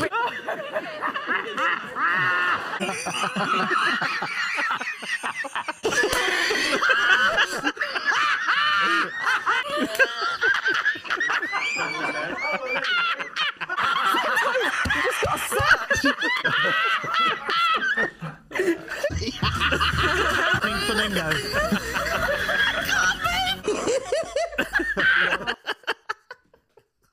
Deze laatste lach is Marco Drij trouwens. Ehm, dit is een beetje mijn interne monoloog elke keer als jij Emma Muscat noemt. Zeg maar, dan hoor ik dit in mijn hoofd. Oh, Emma Muscat, Emma Muscat. En dan hoor ik dus deze lach in mijn hoofd. Ehm, eh, dat is dus nog niet bepaald. Maar wat er dus ook nog niet bepaald is, is nou. in welke stad het gaat zijn. Nou, het, Marco, ik kan je vertellen. Ik heb me hier toch echt om, om beschuurd de afgelopen maand. Afgelopen anderhalve maand. Ik volg natuurlijk eh, eh, heel veel Britse vrienden en Britse media. Volgde ik al, want ik, ik kijk ook tv-programma's daar. Britse muziek. Net een feestje gedaan over de Britse popmuziek. Ehm, maar, oh my god, dit was hysterisch. In één keer echt uit de meest gekke hoeken kwamen er landen en kwamen er, kwamen nou landen, kwamen er, kwamen er steden met wij kunnen het doen en wij kunnen het doen. Sheffield. Nou ja, maar echt, het waren echt... Toch Sheffield? Ja. Mr. Sheffield. Nou, dus wat kon er gebeuren? Eh, meer dan 15 steden hebben zich uiteindelijk aangemeld. Ehm, ehm, en die moeten dus nu een bidboek gaan doen. En er moet gekeken worden naar, hè, is er een geschikte venue, hotelcapaciteit? Misschien wel handig, aangezien Turijn vorig jaar dat pas deed nadat ze gewonnen hadden. Dat weten we. Misschien handig als de Britten dat even anders regelen. De nabijheid van een internationale vluchthaven. De data zijn trouwens nog niet bekend. Maar dat werd dus een heel ding. Want echt al die landen, al die landen, hoor mij, nou het is ook warm vanavond. Al die steden gingen dus zich allemaal tegen elkaar opbieden. En wij gaan het doen en wij gaan het doen. En ehm, eh, alle Britse Songfestival-fans gingen daar ook heel heftig in met. En het moet bij ons, want wij kunnen het zo en we kunnen dit. En we hebben twee schapenschuren waar dan het perscentrum kan. En er kan dit. En we hebben een stadhuis wat zo oud is en wat mooi is. En heel erg fijn om te zien dat in Nederland, denk ik, als het, eh, kon het iemand uit Utrecht of iemand uit Maastricht geen reet schelen als het hier was. Mensen hadden een lichte voorkeur. Nou, de Britten die hadden me, die vonden, de, trots kwam echt aan alle kanten ehm, eh, de, de, de, de spuigaten uit. Nou, toen werd het toch een ding. Want op 12 augustus, ehm, of, of de week erv- eh, werd dus in één keer, dat werd twee dagen ervoor bekendgemaakt, ging er een shortlist bekendgemaakt worden. Live op de radio en op de Britse tv. Werd er dus live een uitzending gedaan in het ochtendnieuws en in de Ja. ochtendshow van wij gaan nu bekendmaken welke zeven steden er nog over zijn. Oh my god. Zo hyped zijn die Britten ondertussen dat Songfestival Gewoon een soort enorm groot n- newsbreak. Break, breaking news, breaking news. Oh, zeker. Dat, dat kan, je, kan je zelfs laten horen, volgens mij. Oh my Dat klonk dus... Marco, dat klonk zo. There are seven cities on the shortlist. Okay. Scott's opening the gold envelope. And So- Scott, who are they? In alphabetical order, the seven cities shortlisted to host the 2023 Eurovision Song Contest are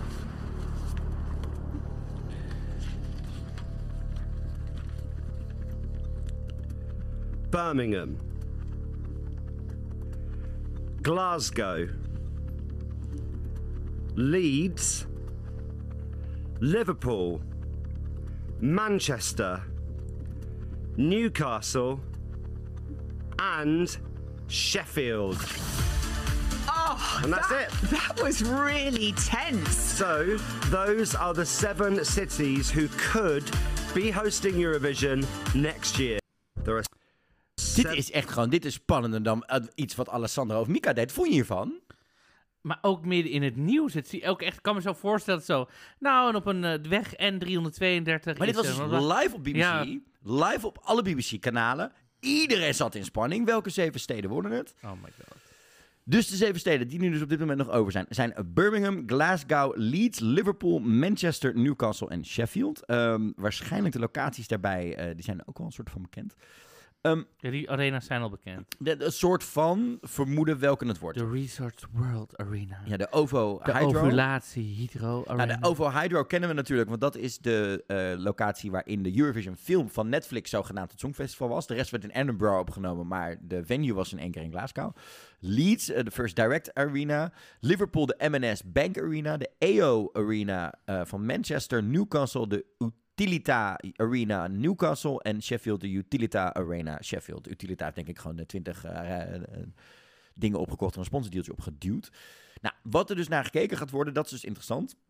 Er hadden 20 steden meegedaan. Eerste schifting, waar dus waar deze zeven uitkwamen, werd er gekeken naar de capaciteit, geschiktheid en de ervaring van de steden. En eh, onder andere Londen viel af. Dat heeft Ah. puur te maken met hetzelfde feit als waar Amsterdam mee te maken had destijds. Namelijk dat de drie grootste venues gewoon al volgeboekt zijn met gigantische wereldtours volgend jaar. eh, en niet konden. Hetzelfde waarom er een andere tweede grote eh, concertzaal in Manchester al afviel. Omdat die konden ook niet schuiven. Want die hadden volgens mij ook iets gigantisch groot staan. Ehm, dus dit is een beetje wat er nu aan de hand is. Nu weten we dus dat er ergens in de herfst meer informatie bekend gaat worden. Dan weten we eh, wat er is. Ik bedoel, nou, we weten het drie jaar geleden, wisten we het vandaag, op begin augustus. Vermoeden is dat het nu wat langer gaat duren, omdat ze natuurlijk ook wat een maand later het proces in zijn gegaan. Dus dat we het rond begin oktober gaan weten. We weten dat 15 oktober de dag is, hè? of 25 oktober de dag dat de laatste dag is dat je zeg maar nog weg kan trekken zonder financiële gevolgen. Dus dan zal het echt bekend moeten zijn, want de dag daarna zullen de budgetten opgemaakt gaan worden. Dus moeten we ook weten wat gaat de stad zelf inleggen, wat in het bidboek zit. Interessant is, is dat de data nog niet bekend zijn eh, voor het Songfestival dit jaar. Meest logisch lijken de data 2, 4 of 6 mei of 23, 25, 27 mei. Want dan zijn er ehm, geen voetbalcompetities. Interessant is dat dus mochten de finales zijn, de halve finales een 2, 4 ehm, mei zijn. Dan is dus de vraag, gaat de Afrotros een verzoek indienen om deel te nemen aan de eerste halve finale op 2 mei? Want 4 mei weten we natuurlijk, Ja, alles erop en eraan. En dan gaan we het niet uitzenden ook. Nee, het Songfestival Weblog heeft dat even gecheckt. Trouwens, eh, onze vrienden van het Songfestival Weblog bij de Afrotros, die zeiden, we wachten eerst even af wat de data worden, dan bekijken we de situatie. Er is nog een evaluatie van het afgelopen Songfestival en dan zal eh, gekeken worden met de selectiecommissie of ze er nog deel van uit willen maken. Nou, dat is weten tussen dat dat allemaal is gebeurd. Dus die evaluatie is geweest, maar ik heb wel het vermoeden dat mocht het dus 2 of 4 en 6 mei gaan worden, dan zal de Afrotros dit in gaan dienen. Ja, en het lijkt me dan ook me- niet meer dan... Ja, misschien is het raar om het nu al te zeggen. Maar ik zou het dan heel logisch vinden, omdat we zo'n dag hebben... Ja.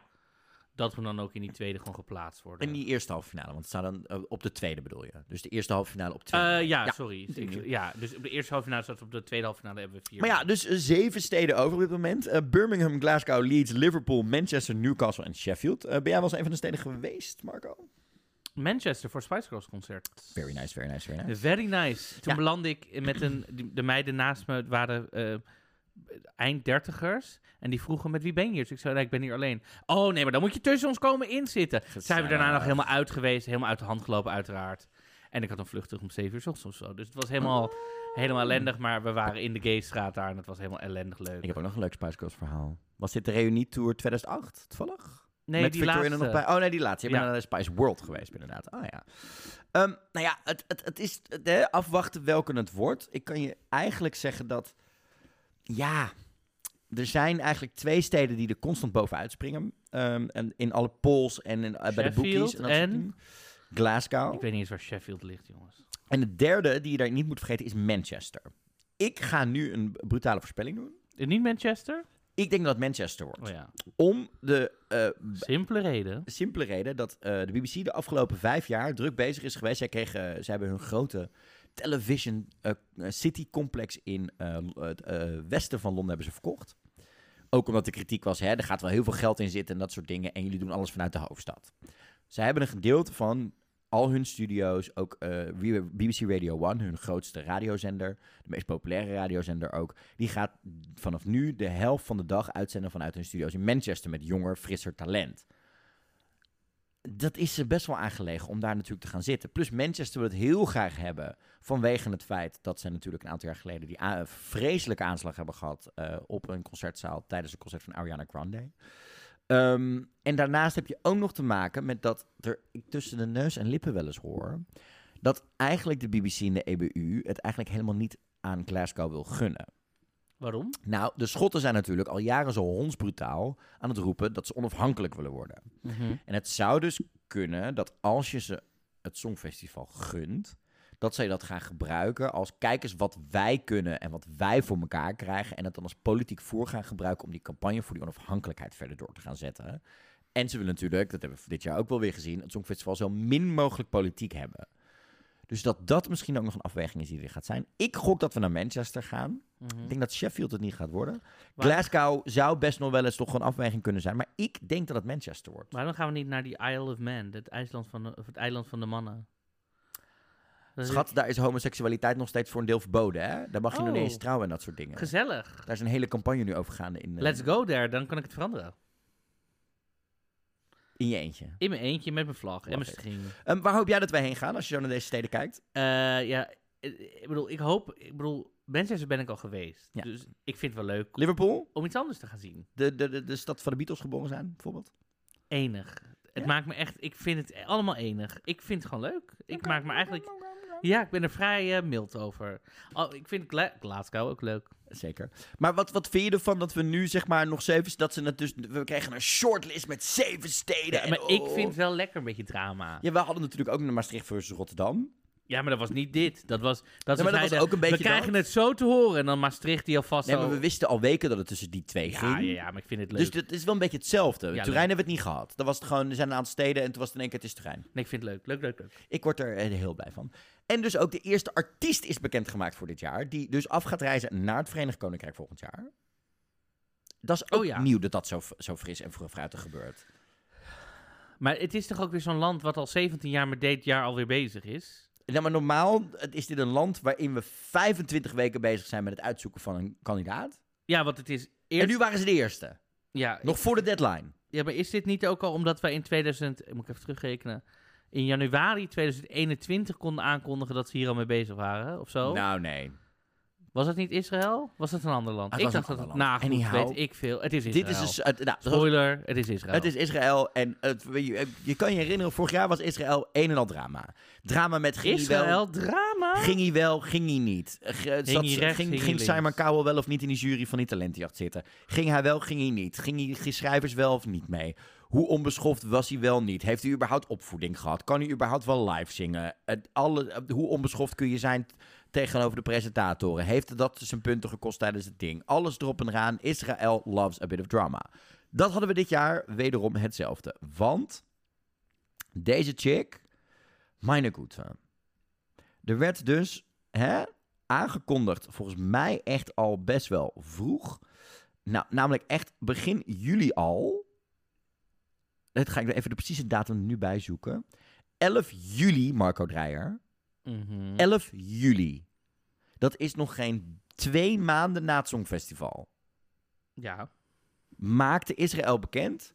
Noah Kirel gaat voor ons naar het Songfestival. Wie Noah Kirel is, komen we zo weer even bij op terug. Ga je wat meer aan je van laten voorstellen. Vervolgens komt zij er een week later op terug. En zegt ze, nou, ik weet het nog niet. Ik weet nog niet of ik ga. Zij was namelijk op de radio en toen zei ze, we maken later nog wel een beslissing. Nou, wat een gedoe. Wat er dus blijkt, is dat er dus een commissie is geweest die dus op 5 of op 6 juli bij elkaar is gekomen. 78 potentiële artiesten heeft eh, letterlijk, zeg maar, eh, eh, beoordeeld. Unaniem werd daardoor gekozen voor Noah Kirel. Waarschijnlijk heeft ze waarschijnlijk ja gezegd. Toen is er gelijk een persbericht uitgestaan. En op dinsdagavond zegt ze, nou, ho, wacht even. Oh, rustig. Toen zei ze, nou, even wachten. Ik ben het nog een soort van aan het, überhaupt aan het iemand opnemen. Het is echt een eer dat ze me vragen. Maar ik ga even een paar dagen vrij nemen om te kijken of het wel kan. En ik ben me zeg maar nog aan het focussen op het concert wat ik nu aan het doen. Toen zei ze, nou ja, we zijn het nog aan het uitvogelen. We zijn samen een beslissing aan het maken. Misschien, misschien, misschien. Nu komt dus het ding. Vervolgens wordt er bekendgemaakt dat degene die, eh, die, tweede is geworden in dus die commissie qua punten en met één punt verschil verloren heeft, Mergy is. Dat, ehm, die werd tweede het jaar van dat Netta meedeed. En is ook nog eens een keer het ex-vriendje van Noah Carell. Vervolgens zegt Mergy zegt, ik wil helemaal niet. Mijn management heeft me eh, gezegd, heeft me toe aangedragen, maar ik zou helemaal niet naar het Songfestival toe willen. Zeker niet als mijn ex-vriendin nee zegt en ik dan in één keer moet gaan. Gaan we niet doen. Dat werd dus een heel ding. En vervolgens is het nu eindelijk zover dat. en dan gaan we even weer de precieze datum erbij houden. Vorige week, dus pas een maand later, Marco Dreyer. Een Mhm. maand later zegt Noah Kirel: Ik ga naar het Songfestival. Wat vind je hier nou van? Gaan we het zo hebben over de muziek en dat soort dingen? Maar dat is toch. Bedoel, jij werkt met persberichten, jij werkt in de PR. Dit is toch gewoon één groot Maar PR-nachtmerrie? ik, sn- maar ik- wat ik dus, wat, de, maar, wat zou, wat ik dus nog steeds niet snap, het is 2022. Je snapt toch, maar dit is niet eens communicatie, dit is toch, je belt toch gewoon eerst een artiest, hey luister, gaan gaan we dit überhaupt doen, planning, wanneer gaan we het aankondigen? Net zoals bij Avrotros doen we altijd van, wat is het aankondigingsmoment, wanneer doen we dat, wat is slim, hoe gaan we het aanpakken? We gaan een hele video maken, alles Nou, erop en allemaal, eh, Nou. Je kan toch, en je hoeft echt niet een heel, met een video, je hoeft niet heel ingewikkeld te zijn, maar in ieder geval een soort planning van, we doen het 12 oktober om 12 uur op Radio 1 en dan Ja. kondigen we gezamenlijk aan. Eh, er komt nu daar iemand naakt de douche uit. Ik zweer het. Ik, sorry, het wordt heel erg afgeleid. Zie je daar het licht? Dat is de badkamer. Ik zie, zo, billen. ik zie zo een piemel van links naar rechts slingeren. Ja, sorry. Dit moet in de podcast. Kijk, Oh, hoppa. Zo. nou, dit, Hallo. eh, wat is dit? Wat goede billen heb je, heeft jouw Zie je, buurman. ik zit gewoon zo in de badkamer te kijken. Wij gaan vaker op dit tijdstip opnemen. Ja, maar wat, we hebben helemaal, zijn helemaal niet later dan normaal.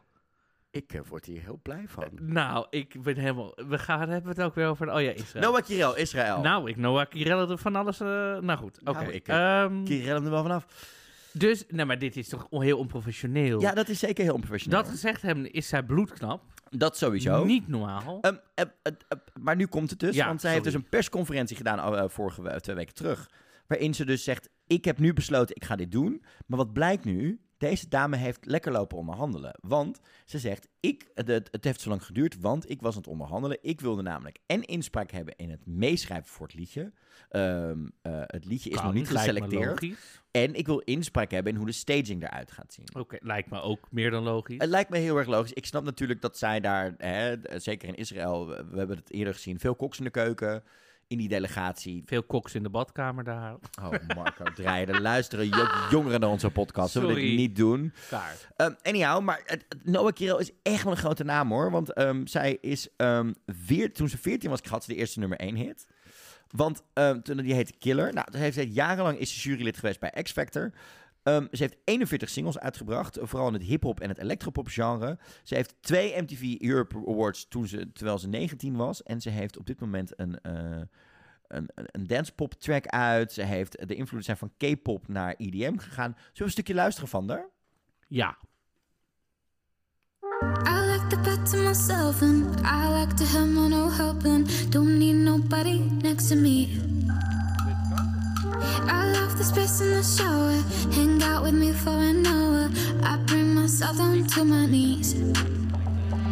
There was a time I looked into the wrong eyes. Now I realize I was here all along. You should have thought about that before you broke my heart.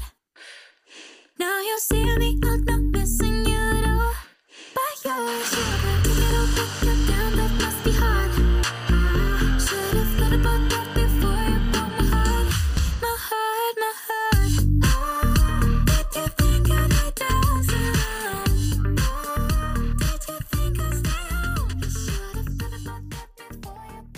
production value, catchy pop. Ik eh, eh, mag hopen dat ze flink wat goede nummers ingezonden krijgt.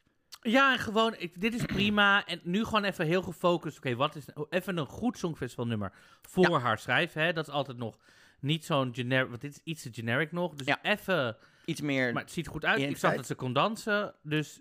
Israël is, eh, heeft een goede start gemaakt wat dat betreft. Volgende, over twee weken zijn we er weer. Dan bespreken we de rest van hoe de nationale finale selecties dingen er allemaal uit gaan zien in ieder geval. Dat is een flinke lijst met eh, dingen die wel al bekend zijn. Oekraïne heeft onder andere al bekendgemaakt wat hun plannen is.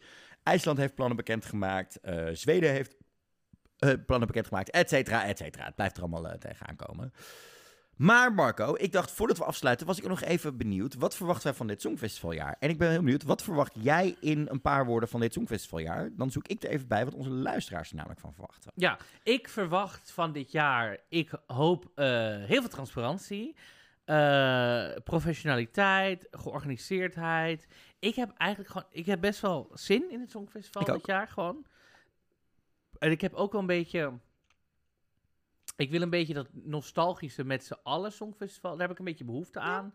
Zo, dat, dat het echt verbindend is. Om de, e- ik, misschien komt het door die oorlog. Maar ik heb, daar heb ik een beetje behoefte aan. Dat het Dat gewoon snap ik. en eh, zolang die lijn weer doorgezet wordt met goede muziek. Weet je, en dat het gewoon professioneel goed georganiseerd wordt. Een lekkere mix tussen Britse humor.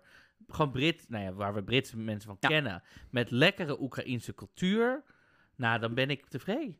Ja, nou, Dan ben ik, weet je wel, een ik- Ik beetje- ga zeker met je mee. Dat is het. Spaanse pepertjes eroverheen. en Ik wil ehm, ehm, eh, ook wel iets, en dit zeg ik, ik weet dat ik dit zeg, iets met de pop. Ja, je wil meer die van alle... Van, dat Van mensen alles, wat het mag, spa- kijk, spannende pop is een breed maken. ding, maar het, het hoeft niet allemaal slikke dancepop te zijn. Maar ik, wat, werd- ik werd zelf bijvoorbeeld aan de ene kant heel blij van de singer-songwriter kant van...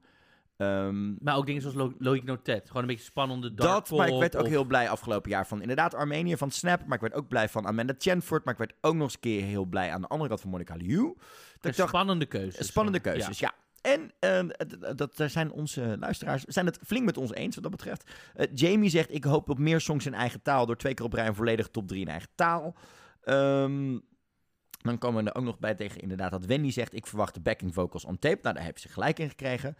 Ehm, en wat vooral naar voren komt... Rico noemt het, Paul noemt het, Brian noemt het... eh, Jelle noemt het, Lou noemt het... Erik noemt het, Hanna noemt het, Arne noemt het een beter organisatie en betere presentatoren. Arne zegt bijvoorbeeld een wel goed georganiseerd songfestival zonder debiele cheeky cheeky cheeky dansjes. Sorry, maar de cheeky girls zijn gewoon Brits. Dus die horen er wel bij. Cheeky girls als Nee, interval act. bedoelt hij niet die... Aneniki. Ja, Chiki, chiki, chiki. Ja, het was, ja, ik, ja dat. Ehm, Jamie zegt een praktisch en functioneel podium naar de blamage in Turijn. Amen. Uh, Tijmen zegt een kwalitatief betere show slash productie dan de afgelopen editie. Jamin zegt dat ook, hè. Een goed geregeld jaar verwacht ik. De BBC kan dit, dat zegt Rico ook. Ehm, Eurovision Time zegt, ik hoop dat het een sterk jaar wordt, maar dat het meer Engels en Oekraïens zal gaan worden, inderdaad. En Erik doet nog een brutale voorspelling. Qua productie slash hosting het sterkste jaar sinds 2016 of er nog overheen. Erik, vriend. Rotterdam 2021? Really? Dat ging er toch al over Stockholm heen? Erik, ik zou je de deur vannacht op slot doen, want GE staat voor Nee, ik, het is oprecht een vraag. Ik ben heel benieuwd. Erik, eh, stuur ons even een DM'tje. Leg, leg ons even uit waarom eh, jij nog steeds Stockholm op één hebt staan en eh, Rotterdam op twee. Misschien heeft hij daar een hele goede reden voor. Ik sta er zeker voor open. Vergeet niet, we zijn er zondag weer met een speciale bonuspodcast. Een kortere podcast waarin we dus jouw input nodig hebben. Vertel ons, welk nummer had volgens jou het Songfestival moeten winnen en heeft dat niet gedaan? En waarom? Laat het ons weten. Stuur ons een voiceberichtje op Songfestivalpodcast of Dingendong podcast op Instagram. Ja, dus je zegt gewoon bijvoorbeeld, hey, in 2004 was ik het echt niet mee eens. Eh Ruslana Wild Dancers hoeft, wilde, ik wilde niet dat die win, won, maar ik won, wilde graag dat nummer 8 won en dat Ja. was die Nindi, om deze en deze en deze reden. En dan kunnen wij daarna gaan, waarom dat wel, Waarom waar we het met je eens zijn of Niet? niet. Ja. Nou, Je kan een voice note sturen dus inderdaad naar onze Instagram. Dat is of @dingendongcast of @songfestivalpodcast. Je kan ons voice ook memo. voice memo. Je kan ons ook een DM'tje sturen eh, daar. Je kan ons ook een mailtje sturen op info@songfestivalpodcast.nl. Of je kan ons even een DM sturen als je het via WhatsApp via een voice note wil sturen. Mag ook allemaal. Dan gaan we die namelijk bespreken en discussiëren. De eerste voor deze week is al binnen. Dus deze week krijg je hem al. Laat ons ook even weten op Instagram wat je überhaupt ervan vindt. Hè, dat we nu zo'n extra bonus dingetje gaan doen. En dus 2 oktober zijn we er weer met, eh, zijn we er sowieso met een live show. Dat wordt heel erg cool. In het midden van het land gaan we meedoen aan iets heel speciaals. En daar eh, mag, kun je bij zijn. Super gezellig, wordt super leuk. En we sluiten af met een beetje Brits natuurlijk deze week, Marco. Ja, Want we gaan het doen. en we, dat deden we vroeger altijd met de befaamde... Ik zal even, eh, heel even kort zo... Die kennen we nog wel. Da, da, da, da, da, da. We hebben nu een nieuwe. Komt-ie. This is your captain speaking. I'd like to welcome you aboard this Eurovision flight. The duration will be three minutes exactly. Now sit back, relax, and enjoy the flight.